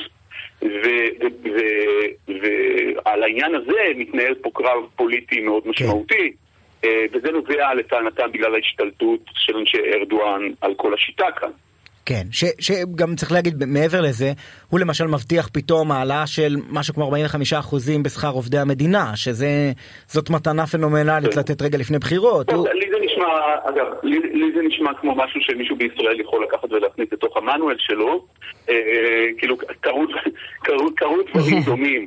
אה, אבל, אה, זאת אומרת, אה, זה כבר, אתה יודע, זה תופני בחירות, אבל הבעיה היא כן. הרבה יותר בחדירה ישי, לתוך המנגנונים של ועדת הבחירות המרכזית, של בית הדין החוקתי, שיכול להכריע לגבי ערעורים על הבחירות, בדרך שבה מפעילים משאבים ממשלתיים לטובת הקמפיין כן. של הממשל השלט. לא, וגם כבר שמענו, כבר שמענו אמירות מהצד שלו, של ארדואן, אם אני לא טועה, שר החוץ שלו, אמר, אני, אם, אם, אם ההפרש יהיה קטן לטובת הצד השני, אני כבר אומר לכם מעכשיו שזה בחירות שקריות. כלומר, אה, אה, יש פה אה, הכנה מאוד גדולה של קרקע לפחות, למקרה שהסקרים צודקים והאופוזיציה תנצח בהפרש קטן או גדול, אני לא יודע. הצד של ארדואן יצא כמו, כמו טראמפ. שאלה היא איך, איך בטורקיה של היום סיפור כזה יכול להיגמר. זאת שאלה ענקית. תראה, זאת סיטואציה כל כך מתוחה, שבה בהחלט אני רואה סצנריו שבו שני הצדדים יגידו שהבחירות זויפו. אה, ברגע שהפערים הם קטנים, או כמו שכתבתי היום בבוקר בידיעות, אה, זה לא ינוצח על חודו של קול. תמיד אומרים, הקלישה אומרת שזה ייגמר על חודו של קול. לא, לא. הבחירות בטורקיה, כדי שארדואן ילך הביתה, צריכות להיות מוכרעות בפער של למעלה מאחוז וחצי, אחוז, שזה פער גדול בטורקיה.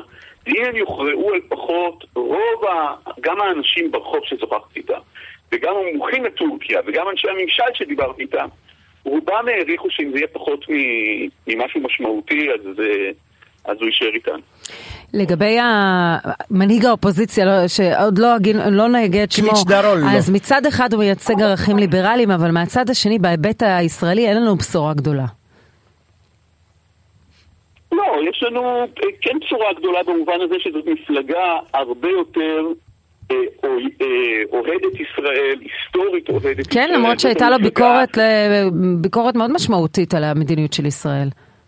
לא, לא, תראי, שרון, שלא נטעה. טורקיה היא מדינה מסורתית יחסית, דתית יחסית, זה לא עומד להשתנות גם אחרי הבחירות, אבל יש בה גם אוכלוסיות ליברליות, מערביות, מאוד אירופאיות, אה, ויש בה שילוב מאוד מעניין ומרתק של אסיה ואירופה, וכל מי שהיה באיסטנבול מכיר את המעבר בין החלקים האלה. ה-CHP, שזאת מפלגת האופוזיציה הראשית, אה, תמתח ביקורת על מבצעים של צה"ל ברצועת עזה, אה, ותישאר נאמנה לקו הטורקי המסורתי. כן. אבל גם ארדואן היום הוא מאוד פרו-ישראלי. Mm-hmm. ואפשר להרגיש את זה, דרך אגב. אפשר להרגיש את זה ברחוב, אפשר להרגיש את זה בשיחות עם אנשי הממשל כאן. הם כרגע, העמדה שלהם היא סופר פרו-ישראלית לש... לשיטתם.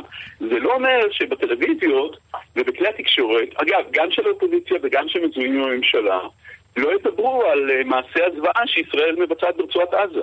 זאת אומרת, זה, זה, שני הדברים האלה, ביחד. הם לא, כן. הם, אה, זה מבטא את הפופולוס, את, את קולו של העם כאן, לא את אה, כן. uh, העמדה של המשטר, אבל, אבל אין ספק שהיסטורית ה-CHP זה, זה מפלגה שהיה לה יחסים טובים עם ישראל, ויחסים יותר טובים נגיד מארדואן בעשר שנים האחרונות. עכשיו בואו בוא נסתכל במבט גלובלי, כפי שהנושא שאתה עוסק בו לא מעט, וזה היחלשות הדמוקרטיה באופן כללי בעולם, שמדברים עליה בשנים האחרונות, ואולי בגלל זה מצביעים היום על הבחירות בטורקיה ואומרים, זה הבחירות הכי חשובות של 2023, כי, כי זה יכול לסמן את הקו עבור מדינות אחרות. ועדיין אני רוצה לשאול, גם אם העם הטורקי אה, יחליט היום שהוא מואס בארדואן, זה לאו דווקא אומר שהוא רוצה לחזור לליברליות של אטאטורק. לא, לא, לא תהיה חזרה לחילון הכפוי של אטאטורק, ואם נדבר באופן אמיתי, גם החילון הכפוי של אטאטורק אה, לא היה בדיוק שיא הרעיון של הדמוקרטיה הליברלית המודרנית.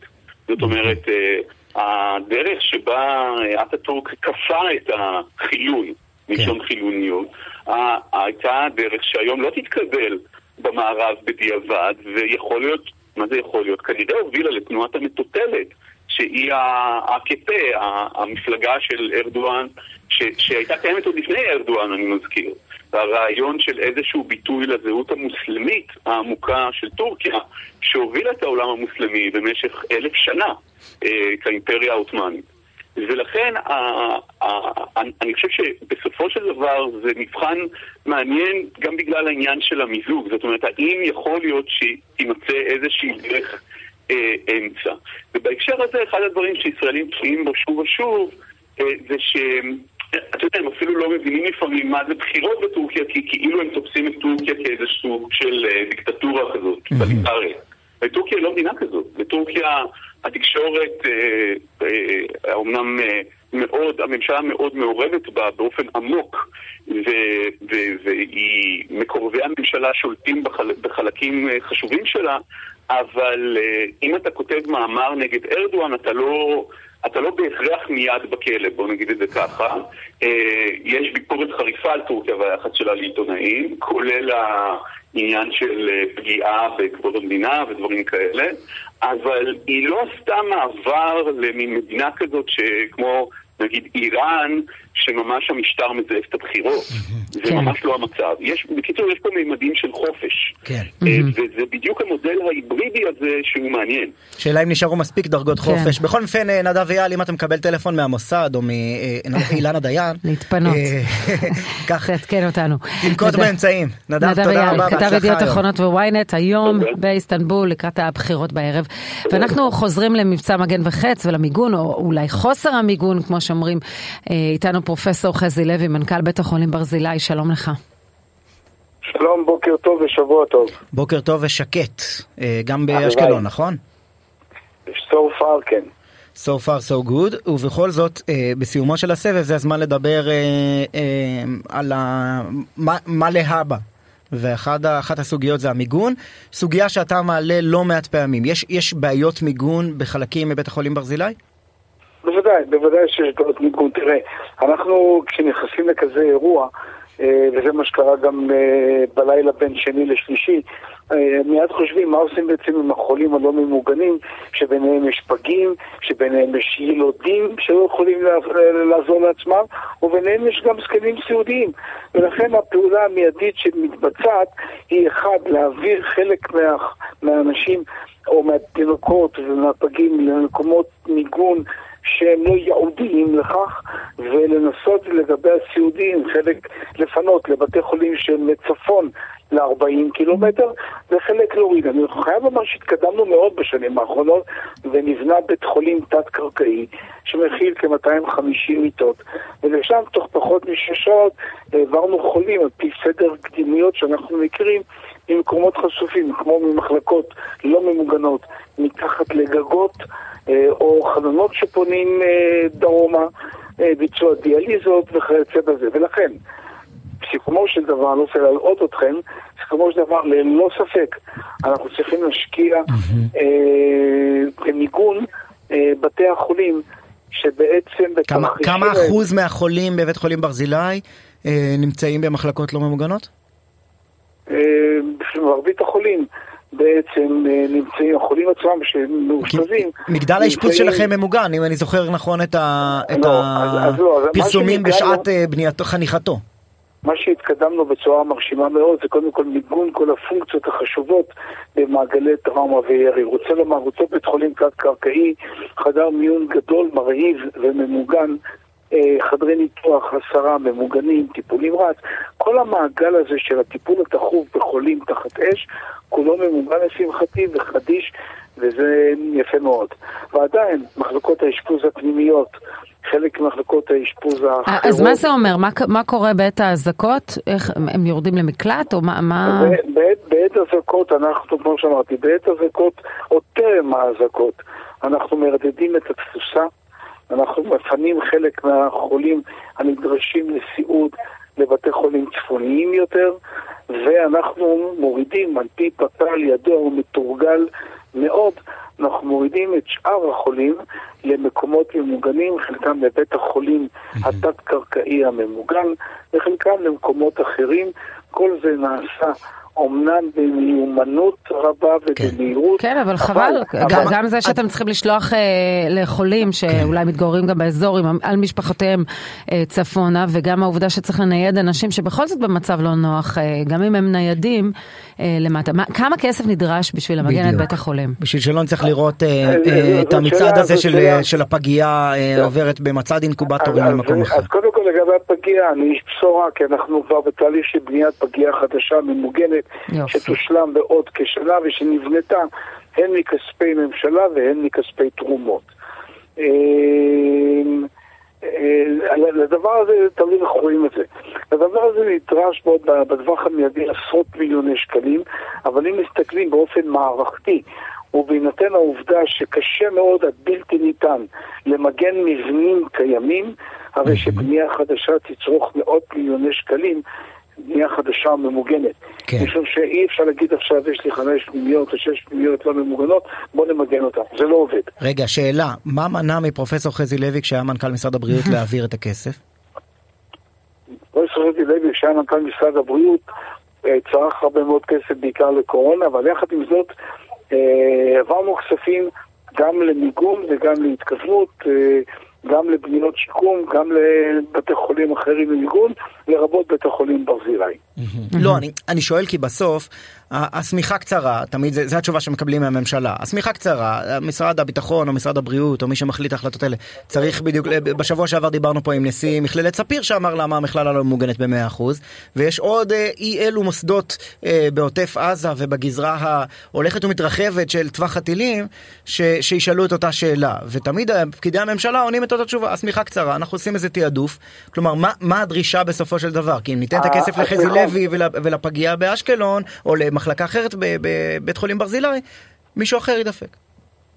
השליחה היא מאוד קצרה, אכן.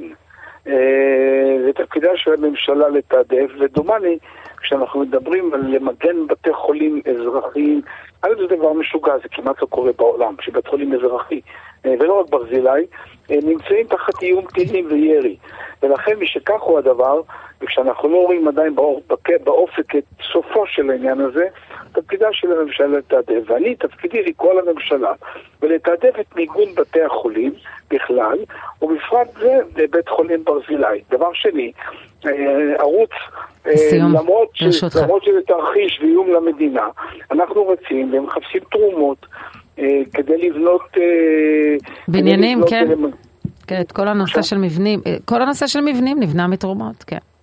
זה מה שקורה בבתי החולים בארץ. לא, כן. אחת, לא אחת תורמים מרימים גבה, אה, היום גם יותר קשה כנראה קצת להתרים בעולם אה, בגלל כל המצב הכלכלי, אבל אנחנו לא מרפים ומחפשים תרומות כדי למגן, ולכן צריך להיות עירוב, אה, ובעיקר עבודה מול, מול הממשלה, שאני חושב שתפקידה למגן את בתי החולים באזור הזה. פרופסור חזי לוי, מנכ"ל בית החולים ברזילי, תודה רבה על השיחה. אני מקווה שיהיה שקט. תודה ושלנו שקט. ואנחנו אומרים שלום לחבר הכנסת אלמוג כהן, עוצמה יהודית, שלום לך. שלום לכם ולכל המאזינים. נשאלת השאלה למה לא מציבים אותך בבית החולים סורוקה וככה מונים הפגזות, כמו שמנעת הפגזות לשדרות. זה ממש ממש לא מה שאמרתי חברים. דבריי יוצאו מהקשרם לחלוטין. בואו נתעסק רגע במהות. המהות היא שאחרי 23 שנים שבהם תושבי שדרות וילדינו סובלים מפוסט טראומה, וגם לכם יש ילדים, הם הדבר הכי יקר לכם כנראה בעולם. הילדים שלנו לא שווים פחות בפעם הראשונה, לאחר כל כך הרבה שנים.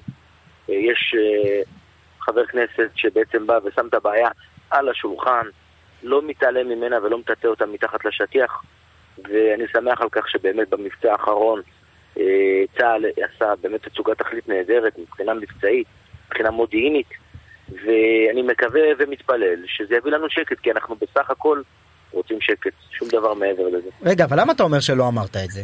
כי, כי אמרת את זה בערוץ 14. אמרת, כשהייתי בשדרות לא ירו על שדרות בגלל שהייתי שם, העובדות לא, ברורות. זה לא מה שאמרתי. אמרתי שביום חמישי שעבר בפעילות הימ"מ בשכם, אה, נהרגו חמישה מחבלים, חוסלו חמישה מחבלים על ידי הימ"מ, ולא ירו על אה, שדרות. נכון, אבל אמרת בריאיון לנווה דרומי בערוץ 14 שזה קרה בין השאר בזכות העובדה שהיית שם. אפילו סיפרת שאתה, כשיש אזעקה אתה, אתה לא רץ למקלט. ואמרת לא, שהם ידעו זה- שיש שם חבר כנסת ולכן לא רצו לא לפגוע בעיר שדרות. גם זה לא מה שאמרתי. אמרתי שאני לא רץ למקלט כי ביום שלישי, דיברתי בכלל על שבוע שעבר, שבהם הילדים שלי לא הספיקו להגיע למקלט, ועוד עשרות אלפי ילדים אחרים. אין באמת 15 שניות, יש בערך 10 עד 12 שניות. ולכן אני אומר בצורה מאוד ברורה, שהאמירה כאן היא לגבי אותו מצב שבו הילדים שלנו, פעם אחר פעם, מטווחים, כמו ברווז במטווח.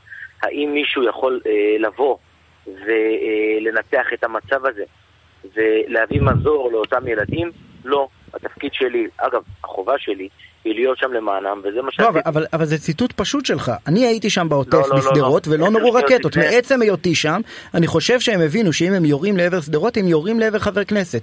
זה ציטוט שלך מאותו ראיון. ה- מי, מי, האמירה מי שלי- הוציא את דבריך מהקשרו? ערוץ 14? כן, עשר שניות לפני ועשר שניות אחרי אתה מוזמן להאזין. בדיוק מה שאמרתי לגבי פעילות הימ"מ בשכם, שבה בעצם העזתים, אגב, הם מאוד, העזתים הם מאוד חכמים, טיפשים הם בטוח לא. הם הבינו שהממשלה שמה את הבעיה הזאת על השולחן ולא מטאטאה אותה יותר, והם מבינים שיהיה לזה מחיר שהם יראו על שדרות. אבל הם שיגרו וזהו רקטות. על שדרות. זה חובתי, לא נכון. הם לא שיגרו רקטות על שדרות ביום חמישי, בבוקר החיסול הם לא שיגרו רקטות על שדרות. ביום שלישי הם שיגרו רקטות על שדרות, לאחר שאותו אסיר אה, מקולל, מחבל ארור, אה, הרעיב את עצמו למוות. נכון, אלו לא, הם במהלך המבצע, אבל היו פגיעות גם- ישירות בוודאי בבתים שבמהלך בשדרות. המבצע יהיו, בוודאי, מה זאת אומרת? בוודאי שיהיו ירי על שדרות, אבל במהלך המבצע צה"ל גם אה, הוריד אה, בתים, עשה חיסולים ממוקדים. אגב, אנחנו לא אה, ששים אלי קרב, אני מוכרח לומר, אנחנו פשוט חפצים בשקט. בואו, יש לי ילדים, יש לנו ילדים בעוטף שחיים, והילדים האלה לא סוג ב', הילדים האלה אולי אפילו קצת יותר טובים משאר הילדים האחרים, כי הם מתמודדים בחייהם עם דברים שילדים נורמליים לא מתמודדים איתם. ואני, כמי שנשלח לייצג אותם, בפעם הראשונה אחרי 23 שנים, כן. בא ושם את הבעיה הזו על אז, השולחן. אז גאה בסך הכל, אז בסך הכל חבר הכנסת אלמוג כהן, אם, אם אני מבין מדבריך, אתה מסכם את הסבב הזה ב- בתחושה טובה, בת- בתחושה שניצחנו. אני לא יודע אם לקרוא לזה ניצחנו, אני יודע לקרוא לזה שיזמנו, וזה כבר משהו. המבחן, אתה יודע, לצערי המציאות אצלנו היא כל כך מורכבת. אה, המבחן הוא ביום חמישי הקרוב, כן? ביום חמישי הקרוב, צעדת הדגלים. אה, אה, סייף אל-קודס, מה שהעזתים קוראים לו, מבצע חרב ירושלים. אותו, אותו אגב, ביטוי ארור של אחדות הזירות, המצב, המ- הוא המצב המסוכן ביותר בשבילנו, כמי שחי שם. מפני שיוצא מצב שפעם אחר פעם אנחנו נכנסים לאותו לופ אינסופי, שבכלל הדברים שקורים ביו"ש או בירושלים. ואז יורים עוד פעם על הילדים שלנו, ואז עוד פעם הילדים חוזרים ברגרסיה שנתיים שלוש אחורה, מרטיבים במיטה, מרכזי חוסן, פוסט טראומה, באים באמצע הלילה, חולמים על פיצוצים, כל דלת שנטרקת. כלומר, שיטת מהמיטה. הסבבים בעיניך לא עובדת, היית מצפה למשהו יותר משמעותי וארוך? אני חושב שהסבב הזה היה קצר, אבל לא- אבל הוא היה מאוד אפקטיבי, כמי שהרגיש את הדברים, ממש הבית אה, כולו רעד.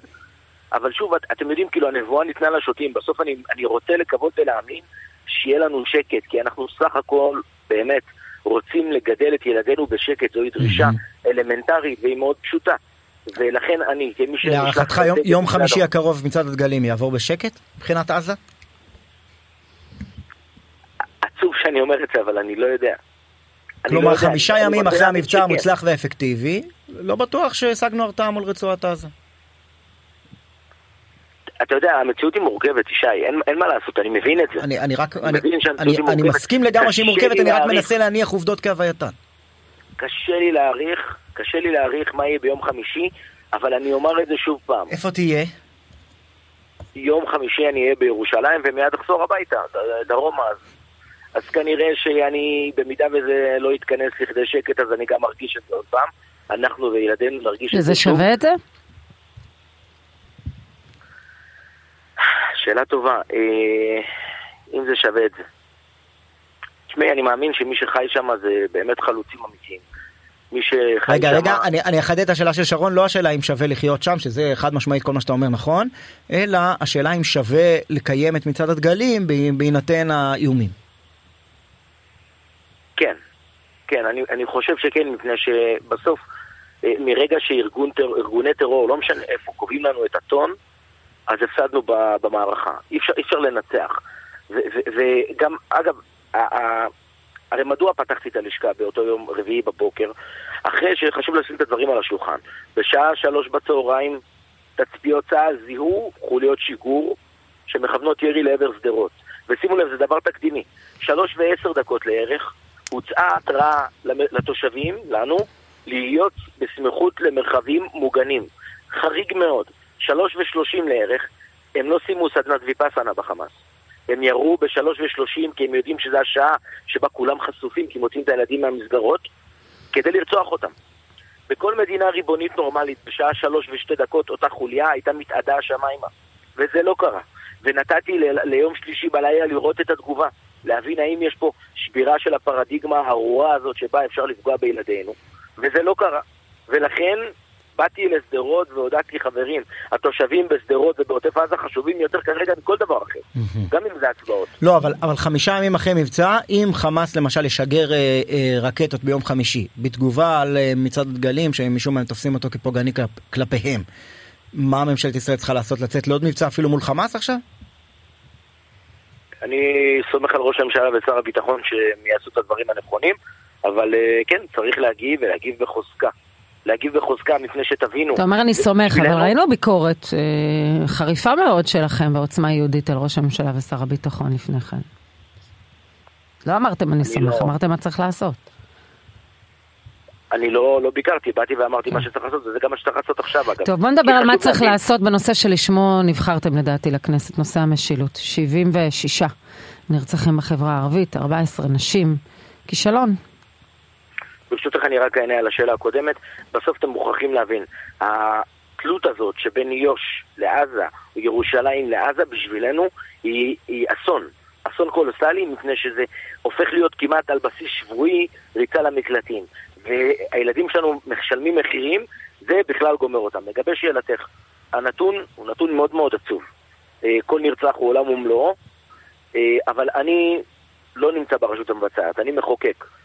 כל מה שאני יכול לעשות זה מבחינת חקיקה. לא, אבל עוצמה יהודית, אתם. סיעה, עוצמה יהודית, יש לה את תיק הביטחון לאומי.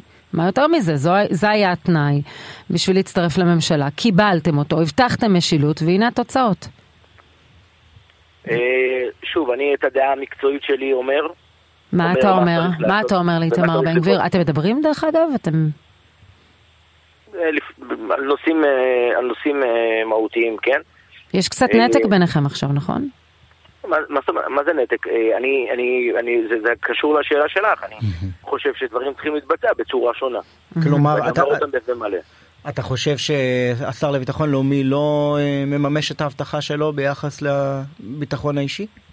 לא, לא, אני חושב שבסוף יש אה, דבר אחד שכולנו מחכים לו, וזה תקציב המדינה. בסוף חשוב להבין, משטרת ישראל כיום זה ארגון שלא צמח עם מדינת ישראל ב-20 שנים האחרונות. ברגע שיגיע התקציב, צריך כמובן מיד, פשוט מיד, מיד, להתחיל להקים את היחידות החדשות, להתחיל לגייס שוטרים, לשפר את שכר השוטרים. אף שוטר, אף אחד לא יעבוד היום בשביל ומה- ומה עד אז? 7,600 שקלים בחודש. אנחנו פחות משבועיים עד מה התקציב, זה מה לא- שאני הייתי עושה זה מושיב את אה, מפקדי המחוזות, מפקדי הימ"רים, ואומר להם, חבר'ה, מהיום, ואגב, אני עשיתי את זה בעבר, כלוחם, פשוט מתעלק על אה, ארגוני הפשיעה ברמות שגורם להם לעזוב את הארץ. לא, אבל, וזה אבל, אחד. הדברים המתסכלים זה שבממשלה הקודמת הייתה תוכנית כזאת, קראו לה מסלול בטוח, שמטרתה בדיוק זה להתעלק, אגב, באופן רב זרועי, יחד עם רשות כן. המיסים, ויחד עם המוניציפלי, ומי שתרצה, להתעלק על ארגוני הפשיעה. והם הם טענו שאפילו שהם הביאו להצלחות, חלק מארגוני הפשיעה עזבו את הארץ. הייתה את ירידה- במספרים. כן. והשנה התוכנית הזו קצת נזנחה. אני, אני חושב שהתוכנית הזאת הייתה אה, מאוד חלבית, מאוד חלבית, מפני שבסוף היום אנחנו עומדים פה, צריך להבין, מול קרטלים, אנחנו לא עומדים מול ארגוני פשיעה. מדובר בארגונים היררכיים, עם לוחמים, עם אנשי חבלה, עם אנשי מודיעין וכולי, וכדי להילחם אה, בהם יש צורך להילחם כמו שנלחמים בטרור. אין פה משהו אחר. אבל איפה זה? איפה זה? איפה זה? אם- החלבית השיגה עד שיעבור הישגים, התקציב נגיע התוצאה- לפי ארבעה. ההתנהלות הבשרית של עוצמה כן. יהודית לא מביאה את ההישגים האלה. יקיריי, יקיריי, שוב, אני בא ואומר בצורה מאוד ברורה, אני לא השר, אני לא יכול להתוות מדיניות. אה, מה שאני לא מבינה מדבריך שאתה. חלוק על השר בטיפול, אתה חושב שצריך יד יותר חזקה, יותר נחושה, שבעניין הזה אתה מבקר את השר וגם משלם איזשהו מחיר אה, אישי על זה. בסדר, מחירים, מחיר זה, זה, זה דבר שאני נכון לשלם, כמו אגב, כל מה שאני עושה תמיד, ההתנהלות מולי, לא המחיר שאני משלם, אלא מ, אל, למלא את שליחותי הציבורית. לא באתי לחמם את כיסא עור הצבי, אה, זה לא כל כך מעניין אותי האמת. ובסוף כן, יש פה צורך, אגב, זה, זה לא קשור ישירות לשר, זה קשור ישירות למשטרה, לצייח אותם, לומר להם חברים, מהיום והלאה, הנ- הנושא של הפשיעה בחברה הערבית הוא בראש סדר העדיפויות, כן. ואפשר לעשות את זה. אבל, אפשר אבל, לעשות אבל, אבל סיפרת לנו שאתם, שהוא שאתם מדברים בנושאים. מהותיים בלבד, כלומר בנושאים אישיים ו- ואחרים אתם פחות מדברים. אנחנו מדברים בנושאים, ש, אה, בנושאים שקשורים יותר אה, ברמה המפלגתית אה, וכולי, אבל אה, שוב, אני אומר בצורה מאוד ברורה, בסוף יש פה, אה, מה שקורה היום בפשיעה בחברה הערבית, יש פה ארגונים שהפכו להיות ארגוני טרור לכל דבר ועניין, קרטלי פשיעה, אם תרצו לקרוא לזה כך, וצריך לטפל בהם טוב. בלי כפפות. אה, אומר אתמול, חבר לא הכנסת אה, דוד ביטן מהליכוד, מבן גביר צפויות בעיות כל הזמן, הוא מוכה של עצמו, ככה אני לא מעריך שהממשלה תצליח לשרוד ארבע שנים. תגובתך? תשמע, אני לא יודע מה, מה הכוונה למוקש. אנחנו בסך הכל באים ודורשים אה, מימוש מדיניות. בסוף לממש מדיניות זה לא מוקש. אתה מבקש זה לממש תגובה. מדיניות, בתחום שלכם לא מימשתם את המדיניות, אז אתם דורשים מראש הממשלה ושר הביטחון לממש מדיניות בתחום שלהם. אתה יודע, גם- תעסקו גם- גם קודם אם בתחום אני- שאתם נשלחתם לטפל בו. שוב, אני לא יכול להתוות מדיניות, אני אחזור על זה עוד פעם. כן, כן. הלוואי והייתי יכול להתוות מדיניות. אבל שלכם. גם, גם, גם הטענה הזו היא טענה שהיא חצי נכונה, מפני שעל פי תפיסתך, אם אין אה, שינוי מדיניות בנושא הזה של הפשיעה, אז, אז אה, תושבים בעוטף עזה צריכים לסבול, ממש לא. אני לא חושב שזה נכון. לא, ממש לא, אני רק אומרת, בואו תתחילו להתעסק במה שאתם, תנו לשר הביטחון ולראש הממשלה שמנוסים ביותר לנהל את עניינם. ת- טפלו במה שנשלחתם, בתיק לביטחון לאומי, במשילות, זה הדבר שנאמר בקמפיין הבחירות שלכם, ובאמת הצלחתם להביא הישג פוליטי של תמיכה מאוד משמעותית, כי ראו בכם איזושהי הבטחה. והנה אנחנו רואים את הנתונים, והנתונים אי אפשר להתווכח איתם, מצביעים על כישלון. תשמעי, עם הנתונים לא ניתן להתווכח, נכון. אבל אה, שוב, אה, לו- לו- לו הייתי יכול לבוא ולקחת, הלוואי והייתי יכול לקחת אחריות על זה, זה מה שהייתי עושה. אני לא יכול, מבחינת. חקיקה, חוק ה protection, חוק הנשק, כן, הבנו. מדבריך שהיכולת שלך להשפיע על השר כן. היא כרגע היא לא גבוהה. חבר הכנסת אלמוג כהן. באמת חבל. עוצמה תודה. יהודית, תודה רבה. שיהיה שבוע שקט. שבוע חברים. שקט, אמן, ואנחנו אמן, עם עדכון. כן, אנחנו עם עדכון מהגדה על פעילות של צה"ל, מאוד מעניינת. אה, אלישע בן קימון, כתבנו הצבאי. אה, כן. אנחנו פתחנו את השידור הזה עם דיווח על כך שכוחות אה, ימ"מ וצה"ל פועלים בתוך הקסבה של שכם, מה תוצאות הפעילות? נכון, אנחנו מדברים בעצם אה, על פעילות שהסתיימה ב- לפני קצת אה, פחות מחצי שעה. אה, כוחות גם של ימ"מ, גם של סיירת גבעתי וגם של גדוד 50 של הנחל ביצעו פעילות אה, ועצרו אה, שני מחבלים שביצעו את פיגוע הירי במרץ האחרון בחווארה, שבו נפצעו שני לוחמי כפיר, ובכך למעשה... רגע, כל, אה, אנחנו לא מדברים על הפיגוע בחווארה ש... של. רצח שני האחים לא, לא. שבעקבותיו הייתה לא, לא. התפרעות. לא, לא, אותו מחבל כבר נתפס, אה, מוחמד חרושה, כבר דיברנו על זה ל- קרוב לתשעה ימים לאחר אותו אה, רצח, אז הוא נתפס, זה היה בג'נין. אנחנו עכשיו מדברים על אה, שני מחבלים שבעצם ביצעו את פיגוע הירי במרץ האחרון בחווארה, שבו נפצעו שני לוחמי כפיר. השניים, שני המחבלים נתפסו כמעט בלי אה, עימותים מיוחדים, כל האירוע התרחש תוך פחות משעה, שניהם בעצם יצאו ונתפסו בחיים, ובכך למעשה שב"כ וצה"ל סוגר מעגל אה, של שלושת פיגועי הירי שהיו מפברואר עד אה, מרץ בחווארה, זה התחיל עם אותו פיגוע בעצם שבו נרצחו האחים הלל ויגל יניב, אחר כך אותו פיגוע שבו נפצע דיוויד שטרן, ואותו פיגוע שעכשיו דיברנו עליו, שלושת האירועים האלה, גם עוד פעם פעילות בלב הקסבה באור יום, גם בשכם, גם בג'נין. אה, אירוע מאוד משמעותי. ומה קורה עם אה, רשימת המבוקשים באופן כללי? איך היא? מה נשאר ממנה? אז זהו, אז אה, לפי מה שאנחנו מבינים, בפיגועים קשים, כלומר, אה, שבהם אה, נרצחו ישראלים, החשבונות מתחילים להסתגר, אפילו די נסגרו, אבל בהקשר הזה אני מזכיר עוד שני פיגועי ירי שבהם היה פצוע אחד באזור בנימין ביום העצמאות, למי שזוכר, שני חבר'ה שבעצם רצו שם באזור של ואדי חרמיה והיה שם פיגוע ירי, עדיין השב"כ וצה"ל במצוד אחר היורים, והיה גם פיגוע ירי שבנס אה, נגמר בלי פצועים או נפגעים, אה, שפוצע ירי לעבר אוטובוס באזור אריאל, אה, וגם שם הכדורים חדרו בש, בשני, הצ... בשני הצדדים למעשה של, כן. ה... של האוטובוס, וגם אחרי החוליה הזאת. הייתה גם, עסקנו קצת בנושא הזה, הייתה גם חוליה שביצעה ירי לעבר יישובי הגלבוע, כאילו מעבר לגדר. אה, נכון, אה, זה מה שמכונה בצה"ל אה, ירי מהעומק, כלומר זה ירי שמאוד קשה לסגור איתו מעגל, זה בעצם אולי מדרגה אחת למטה מאותם אלה שבעצם מגיעים ומבצעים פיגוע ירי בסוגים של טווחים הרבה הרבה יותר קרובים. גם עליהם כמובן יש, אה, אה, יש איזשהו אה, סוג של מצוד ומנסים בעצם לאסוף מודיעין, אבל גם פיגועים כאלה קרו לעבר מעבר גלבוע, לעבר היישובים בגלבוע, לעבר כל מיני מעברים של צה"ל ושל מערכת הביטחון לאורך כל יהודה ושומרון, אבל זה מה שמכונה בצה"ל ירי מה, מהעומק, ששם העבודה המודיעינית היא, היא קצת נעשית בצורה שונה. חבר הכנסת אלישע בן קימון, כתבנו, שיהיה בהצלחה בפריים. פריימריז, סתם. אה, אה, אנחנו כן, אה, נמשיך לעקוב אחרי ה... כן, כתבנו לענייני מתיישבים, וגם היום כתבנו הצבאי משלים נכון. את התפקיד הזה. תודה רבה. ואני רוצה לחזור לציוץ של טלי גוטליב לגבי הנושא של, היא אומרת לשר התקשורת יש סמכות להפסיק את שידורי התקשורת במצב מיוחד, להשתיק את שידורי 11, 12 ו-13. אז קודם כל בוא נעשה סדר בחוקים. סעיף 13 לחוק הבזק מבקש מכלי התקשורת להעמיד את שירותיהם לצורך המדינה, בוא נגיד במקרים. בדיוק, בעת חירום, במקרים ביטחוניים מסוימים. ממש ממש אין שום כוונה, אין שום יכולת למדינה לסגור אותם, ודאי ששניהם בכלל כפופים לחוקים אחרים. חוק השידור הציבורי מצד אחד ל-11, חוק הרשות השנייה ל-12 ו-13, קשקוש, כאילו מיקס מטורף של דברים לא רלוונטי, גם אם אנחנו לא מדברים על ההיבט כאילו הערכי של הנושא של חופש הביטוי והכל, אבל הנה, מאיפה זה בא הטרלול הזה? אה, תודה לאל, כן מדברים גם על ההיבט הערכי, ש, ש, ש, ודוחים אותו את ההצעה הזאת בשעת נפש, אומר, מגיב עכשיו ממש שר התקשורת שלמה קרעי, אה, טלי יקרה גם הלב שלי רותח, אבל לא הייתי רוצה לחיות במדינה שבה שר התקשורת או הממשלה סוגרים ערוצים שמבקרים אותם, גם אם הם חוצים את הגבול ולעיתים מבלבלים בין אויב לאוהב.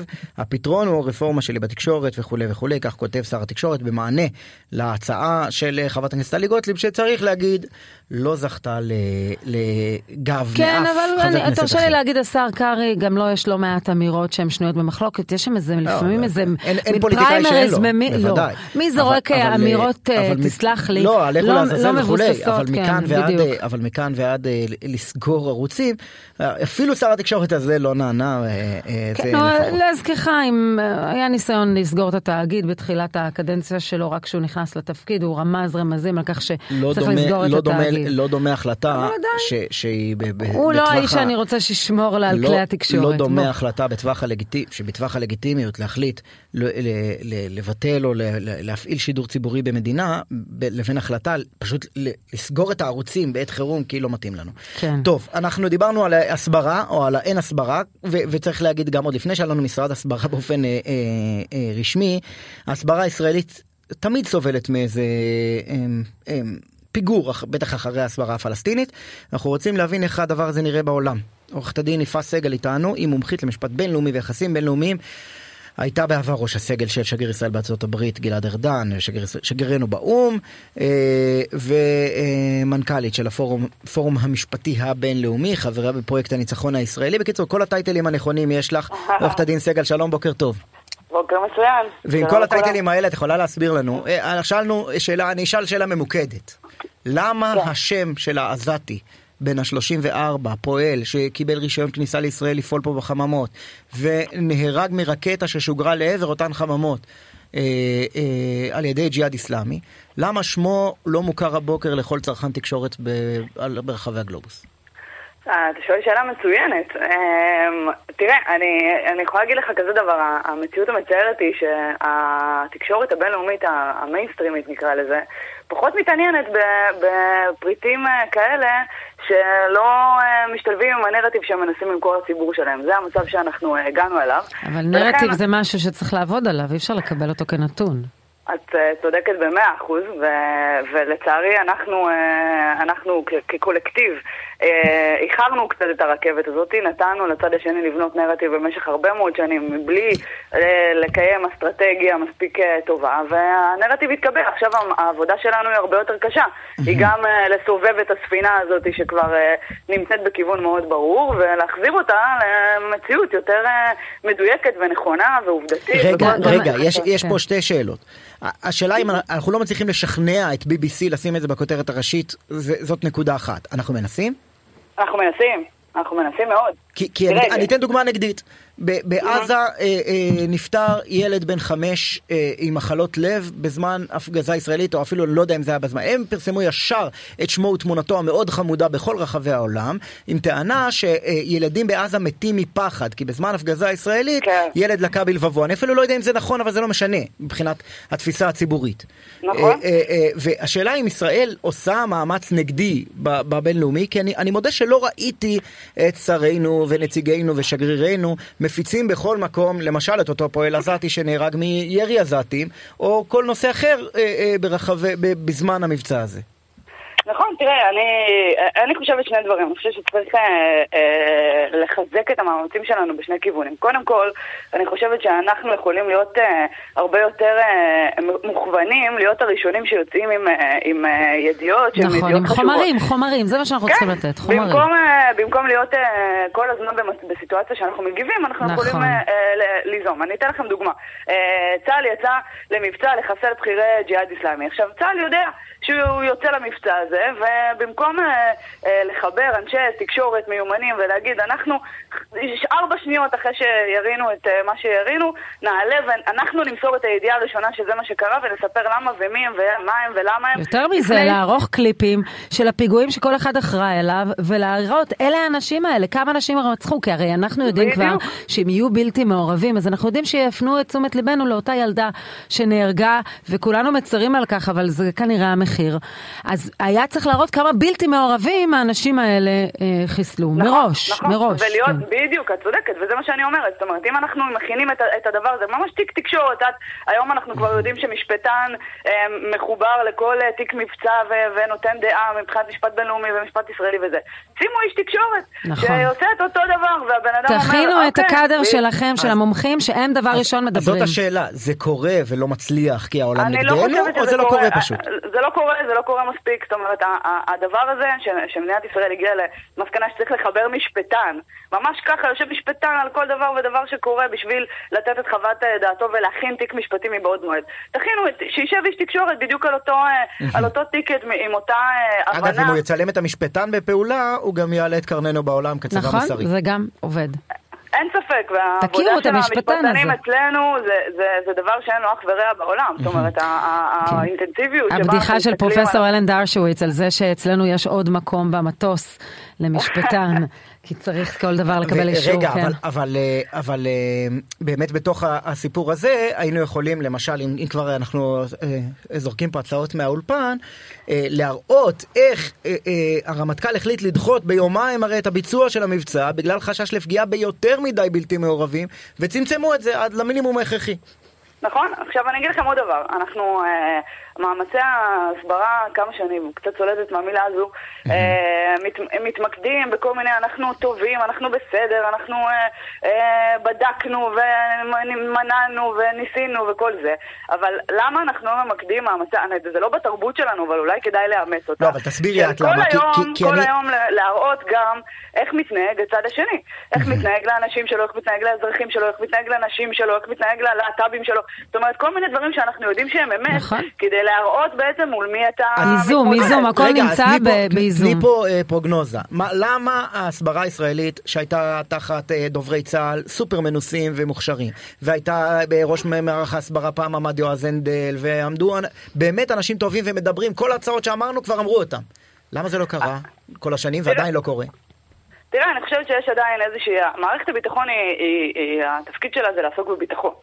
אני חושבת שגם אם יש דובר צה"ל ואנשים מוכשרים ואנשים עושים עבודה, ותראה, אני ראיתי, אני, אני ראיתי במו עיניי עד כמה, עד כמה הם עובדים סביב השעון ומדברים עם תקשורת זרה, זאת אומרת, זה לא, לא, זה לא שהם לא גם עובדים צריך לעבוד. אחרת, החבר'ה האלה עובדים בתקשורת יותר ממוסדת, יש כאן עבודת רשתות, יש כאן עבודת שטח, זה צריך להגיע משם. עם הטופז לוקים והיונתן אוריכים שעושים עבודה מצוינת כזו בסושיאל, בפוליטי, היו פשוט לוקחים את האנרגיות האלה ולוקחות אותם לאנר... ל- לוקחים אותם להיבט ההסברתי, היינו במקום אחר. התפיסה היא תפיסה מיושנת. עומדת שרת ההסברה ומצטלמת בעצמה לסרטון עם אה, פרומטר באנגלית, אה, זה, זה לא עובד ככה, יש לנו כל כך הרבה אנשים. לפוליטיקאים תמיד אין מדיניות חוץ, רק מדיניות פנים. כן.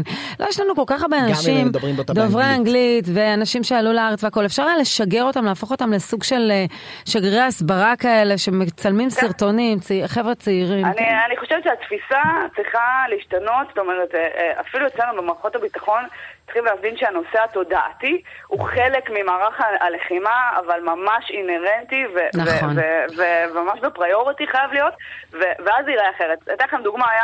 ממש אה, לסיום. אה, כן, כן. אה, חומת מגן, נכון, הורדנו אה, בניין אה, של חמאס, אנחנו יודעים שהייתה שם אה, יחידה סודית והכל, בניין של AP ואל-ג'זירה, אתם זוכרים את כן, הסיפור כן, הזה? כן.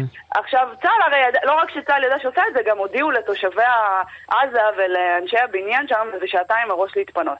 בשעתיים האלה אי אפשר היה לעלות, אנחנו, ראשונים, לפני הנרטיב שצה"ל מפגיז, בניין נכון. תקשורת ואלוהים ישמור וזה. לעלות ולתת אנחנו את הטון ראשונים, זה מה שעומד לקרות, בהחלט, וזאת איזום. איזום, איזום, אומת הסטארט-אפ, כיפת ברזל וזה, בהסברה אנחנו לא מספיק טובים. עורכת הדין יפעת סגל, תודה רבה לך על השיחה. תודה לכם, בוקר אה, טוב. יש פה. בוגרת אה, דובר, יחידת דובר צה"ל. נכון, ואנחנו. חזרנו להיות בקשר בקבוצת וואטסאפ ענקית של מאות אז אנשים. קדימה. אבל אני-. הדור הישן, אני הדור הישן, צריך כאן את אבל, החבר'ה אה, של אבל הסושיאל. אני שומע אותך, את יודעת כן. מה לעשות. אני יודעת, אני חושבת שאני יודעת מה לעשות, כן. עניין אחר לחלוטין, היום. נפגעי פוסט טראומה צועדים בדרך לבית הנשיא, תחת הסיסמה, הכלבים שלנו לא יהיו כלבים סוג ב', אגב סיסמאות שתופסות אה, ברוח הזמן. בנצי אלקון איתנו, מתמודד אה, PTSD, אחד ממובילי המסע, שלום לך, בוקר טוב. בוקר טוב לכם. אנחנו נשתדל לא לעכב אתכם, כי- לציין- כי כבר אתם חשוב בשעת לציין. זה רכיבה. רכיבה. זה לא- כן. כן, אבל יותר חשוב להבהיר למי שלא מבין עד כמה כלבים עוזרים להתמודדות עם אה, הפרעות פוסט- פוסט-טראומה. כי אנחנו יודעים על כלבי נחייה שעוזרים לאנשים שהם לקויי ראייה. בעניין הזה של PTSD, בשנים האחרונות מבינים יותר ויותר את היכולת של כלבים לעזור בהתמודדות. אז תספר לנו קצת על זה. תראה, אני מוכר כבר שלוש וחצי שנים כפוסט טראומה הלום קרב. אה, נכון, זה שנים היה איתי לפני זה, אבל לא, לא ידעתי שזה איתי. אני קיבלתי את הכלב שירות שלי מהמרכז הישראלי לכלבי נחייה לפני שנה וקצת. לפני שקיבלתי אותו, אני הייתי מסוגר בבית. אה, כשאני מדבר על מסוגר בבית, זה קרוב לארבע שנים בין הסלון למיטה ולא יוצא מהבית. וואו. זה היה החיים שלי. אה, כי פחדתי לצאת, פחדתי מטריגרים, פחדתי מאנשים, פחדתי מרעשים. אירועים משפחתיים, אם הייתי כבר הולך, הייתי חמש דקות ובורח משם. ומאז שקיבלתי את המהלך הזה, הולך על ארבע, לוגו, הוא... לוגו? שירות של... לוגו, כן? כן. הוא הכלב שירות שלי. מאיזה אה, סוג הוא? הוא מלבלדור עם גולדן, יפה. הוא שני, שניהם ביחד. ובאמת, מאז שאני קיבלתי אותו, הדוגמה הכי טובה זה המסע הזה שאני הרמתי, להעלות את המודעות לכלבי שירות, כי אין אותה בארץ, אה, להגיע לבית הנשיא, לדבר בבית הנשיא, להיפגש עם חברים שאני ניתקתי מגע שנים, עם המשפחה שלא הייתי מגיע לאירועים. מדהים. אה, ללכת לקניות, כאילו, הדבר הכי פשוט, ללכת לקניות, לאכול שווארמה באיזה מקום, לא הייתי הולך, לא הייתי מתקרב. אתה יכול לתאר איך הוא- הוא. עזר לך? זאת אומרת, איך אה, מסיטואציה הוא שאתה לא רוצה. לצאת מהבית פתאום, אתה מסוגל הוא לעשות- צריך לצאת. ול- ולחיות ולהתנהל? אה, לפני זה לא, לא יצאתי, כי כמו שאמרתי, פחדתי. מה שלוגו נותן לי, הוא נותן לי את הביטחון, הוא מרגיש אותי. אה, הוא מרגיש אותי אם זה בדופק שעולה לי, אם אני בזיעה, בריח של הזיעה, הוא מרגיש שאני לחוץ או טרוד, הוא מתקרב, מלקק. אה, קופץ עליי, הוא פשוט מקרקע אותי ומודיע הכל בסדר, אני פה איתך, אתה יכול להמשיך. מרגש. זה באמת עובד. כן, מרגש באמת לשמוע עובד. את זה. ומה אתם צריכים, בנצי? לא הבנתי? מה אתם צריכים, מה אתם צריכים לעורר במסע הזה? קודם כל חשוב אה, להיכנס לגוגל ולרשום שותף לקרב בגיוס המונים אה, לעוד כלבים, כי כלב כזה, העלות שלו היא באמת, וואו, אלפי שקלים, מאות אלפי שקלים. ומשרד הביטחון לא עוזר בהחזקה שלה? בטח, בטח. אה, אוקיי. משרד הביטחון, אה, זה צריך להגיד מילה לא טובה, חיבוק ענק למשרד הביטחון, שנתנו לי את הכלב. הם משלמים על הכלב, אבל לא את כולו, וצריך לגייס עוד כספים. אוקיי. ויש גם חבר'ה שעדיין לא מוכרים וצריכים כלבים. אה, עלות של כלב באמת היא מאוד מאוד יקרה, אה, ובשביל זה יצאנו גם לגייס כספים לאירוע וגם להעלות את המודעות. יפה אנחנו מאוד. נתקלים לא מעט, לא מעט, אני לפחות יכול להגיד, לא מעט למקומות ציבוריים, שאתה בא להיכנס ולא נותנים לנו להיכנס. ועכשיו עם החוק שיצא, שדחו אותו בעוד שנה, זה אומר שאנחנו עוד שנה מתחבאים בבית. אז מתי אתם מגיעים, בנצי, לבית הנשיא? אנחנו מנסים גם... אז בית הנשיא כבר היינו, בית אה, הנשיא ביום הייתם, חמישי. כן, אנחנו היום רוכבים, יצאנו מלטרון לצומת אה, נחשון, מסמיע, אזקה, ואנחנו מסיימים היום בג'ו אלון בלהב, למעלה בים. רגע, ואיפה הכלבים? אה, קודם כל צמוד אליי כל הזמן, ברכיבה הוא באוטו. ברכיבה הוא באוטו, כשאנחנו עוצרים הוא ישר אה, מדלג ישר אליי, איתך. אה, ישר, ישר איתך. בנצי ולוגו, בהצלחה במסע, תודה. המון תודה. תודה לך. ותודה על תודה, מה שאתה. מעורר, ומכלב בהצלחה. לכלב, אבל כלב אחר, לא יכולנו לא לסיים את השידור הזה בלי כלבת הים החדשה, יוליה, האורחת החדשה שלנו, ואיתנו גיא לוויאן, מנהל מרחב ים ברשות הטבע והגנים. שלום לך. שלום, בוקר טוב. מה שלום יוליה הבוקר? הכוכבת החדשה.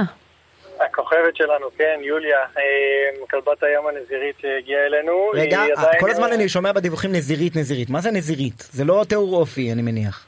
אה, כן, זה, זה תרגום אה, ישיר מהשם אה, שלה באנגלית, אה, בעצם מונקסיל. אה, קיבלה את הכינוי הזה בגלל אה, מין כיפה לבנה שיש לה צבע לבן כזה באזור הראש אה, של המין הזה. אה, ונזירית ים תיכונית זה בעצם המין הזה שנמצא אצלנו בים התיכון. ומה שלומה? כי הייתה תשושה קצת אתמול, בריאה אך תשושה, לא? אז זהו, אז אה, באמת מהיום שהיא הגיעה, באמת ניסו, ניסינו ככה להבין יחד עם החוקרים אם היא עייפה, מה הוביל אותה לפה, אולי היא פצועה, אה, אבל המסקנה היא כרגע שהיא פשוט נחה ובתהליך של אה, אה, החלפת פרווה בעצם, היא, זה תהליך שייקח כמה ימים ככל הנראה. זהו, זה היה נראה כמו ובוא- פצעים על הגוף שלה. זה היו זבובים, לא? כן, יש לה, יש לה מסכנה גם. גם פצעים וגם זבובים, ו... אבל בלי קשר היא גם כרגע כנראה מחליפה את הפרווה שלה, ולכן בשלב הזה היא מעדיפה להישאר יבשה ולנוח על החוף. היא לא בודדה, אבל איך היא הגיעה לכאן? איך היא סחטה עד לכאן? מהצפון, נכון? היא ככל הנראה מהשיתופי פעולה עם הארגונים הבינלאומיים אה, שעובדים ביחד עם החוקרים בישראל, אה, המסקנה היא שהיא אה, נקבה שנצפתה לראשונה בטורקיה ב-2007, כך שהיא בוגרת יותר משחשבנו בהתחלה. אה, ו- וזה זה כרגע, לא, לא ידוע בדיוק מה הוביל אותה לפה. רגע, אה, יש כלבי ים בים התיכון? זה זה החידוש, אני חושב, של הסיפור מבחינתי. אז זהו, אז, אז זה באמת מפתיע, כי המין הזה אה, היה במגמת ירידה המון המון שנים, ונמצא כרגע אפילו בסכנת הכחד, הכחדה. אה, בשנים האחרונות יש באמת עלייה משמחת, עם אופטימיות זהירה אפשר להגיד שהמין הזה, המספרים שלו עולים, אבל עדיין נמצא בסכנת הכחדה, ולכן כמובן גם אצלנו אה, כל המינים האלה של העמקים הימיים הם ערכי טבע מוגנים ואסור לפגוע בהם. אבל היא לבד, איך זה יכול להיות שהיא לבד? זה בסדר שהיא לבד? אה, כן, כן, אה, באמת אפשר לראות את המין הזה, כשיש מושבות אז רואים אותן במספרים יותר גדולים, אבל אצלנו לצערנו המושבות אה, כבר מזמן אינן, ואנחנו מנסים לשקם אותן. אה, אה, איפה- הם בדרך כלל. עולים על החוף? אה, אז, אז בטורקיה? הסיפור, הסיפור עם המין הזה, שכן, יש, יש מושבות אה, בטורקיה, והם הצליחו בעצם לשרוד אה, על ידי זה שהם אה, עברו ל- להתרבות במערות חשוכות, שאצלנו, כמו שאתם מכירים, אין הרבה, חוץ מבראש הנקרה. ומנסים כרגע באיזשהו פרויקט אה, לשקם את המערה הזאת, ואולי בשאיפה שהמין הזה יחזור גם. לא, אז- אז למה אצלנו. פתאום, ל- אגב, אתם לא אומרים איפה, חוף במרכז הארץ. לא, זה כל- בגלל... אה, כולם יודעים. זה בגלל טעות... כולם יודעים כמה אנשים הגיעו אתמול לצלם אותה. אה, כמה מאות, אולי אה, במצטבר כן. כבר אלפים לדעתי. בסדר, כד- כדרכם של זה, כן. השאלה אם זה טעות בניווט שלה, אה, או שהיא במצוקה, או שזה מרגלת של ארדואן. אה, לא, לא נראה לי שזו מרגלת, אה, וגם לא שזה בטעות, זה פשוט אה, מזל שהתמזל לנו. היא ידועה כי היא אה, כזו ששונצת בחופים. בלבנון, ו- והגיעה אלינו במזל כנראה. וכמה ידוע זמן היא... שנזירות נמשכות לארץ הקודש. כ- כ- אה, אתם, יש לכם תצפית עליה כדי לדעת שלא ניגשים אליה, אז שהיא... אנחנו, כן, אנחנו בתור רשות הטבע והגנים מעמידים פקחים ומתנדבים שנרתמו באופן אני רוצה מיידי. להתנדב. אז בשמחה, את מוזמנת, אנחנו צריכים כל הזמן אנשים שיבואו ויסייעו לנו. אה, יש שם מישהו שכל הזמן שומר עליה, יש אה, מחסומים גם שמונעים מבעלי חיים ואזרחים להתקרב, אה, כדי שבאמת נוכל לתת לה לנוח. היא לא יודעת להתמודד עם בעלי חיים? היא ככל הנראה תדע, אבל בוא נגיד, עכשיו היא קצת עייפה. אם כלב ירוץ אליה וינסה לנבוח עליה, יכול להיות שהיא תעבור לחוף אחר, שהיא לא נדע איפה היא ויהיה לנו יותר קשה לשמור עליה Mm. ככה. אבל אם לא נביא לה כלב ים, היא לא תתרבה. זאת אומרת, כן, אתם ככל יודעים את זה הנראה מן הסתם. שהנקבה הזו, לא, לא ידוע על צאצאים שלה מ-2007. אה. היא גם על-הורית, בנוסף לכל. אה, טוב. אה, טוב, תגיד גיא לוויאן, מה עם מוחמד הילד שבחר לה את השם שהגן עליה בהתחלה שם? כן, אז באמת אה, ברגעים הראשונים ההתרגשות הייתה שם מאוד מאוד גדולה, הגיעו הרבה ילדים, ואני לא ראיתי אותו מאז, אבל היו שם כמה שבאמת ניסו לעזור לנו אה, להרחיק את שאר האנשים. מגיע לו אות. המתעניינים. לא, הוא כן, בחר את השם כן. יוליה. נכון. אגב, נשאלת השאלה, למה ילד, אה, למה הוא בחר יוליה דווקא? כן, אני, אם אני אראה אותו שוב היום אני אשאל אותו. זה, זה מסק... מה, סוגיה כן. שמסקרנת אותי מבחינה סוציולוגית ישראלית. נו. גיא לוויאן, מנהל מרחב ים ברשות ליוליה. הטבע והגנים. נמסור, תודה רבה. תודה רבה. כמו שאמרו אסי וגורי, אני חושב. דש ליוליה. כן, דש ליוליה. אה, בנימה יפה. אופטימית זו. כן, כן, אה, בכל זאת, גם הפסקת אש, גם נועה קירל הייתה, אה, עשתה אולי לנו זה כבוד. ה unicorn, זה וגם ה-power of יוליה. the unicorn. יש רק דברים טובים קרו היום. תודה לריקי כרמי. העורכת, למפיקות יובל כהן ואלה יגן, טכנאי השידור שלנו עמרי זינגר. תודה לשרון קידון, נשתמע מחר. תודה לישי שנר. ביי ביי.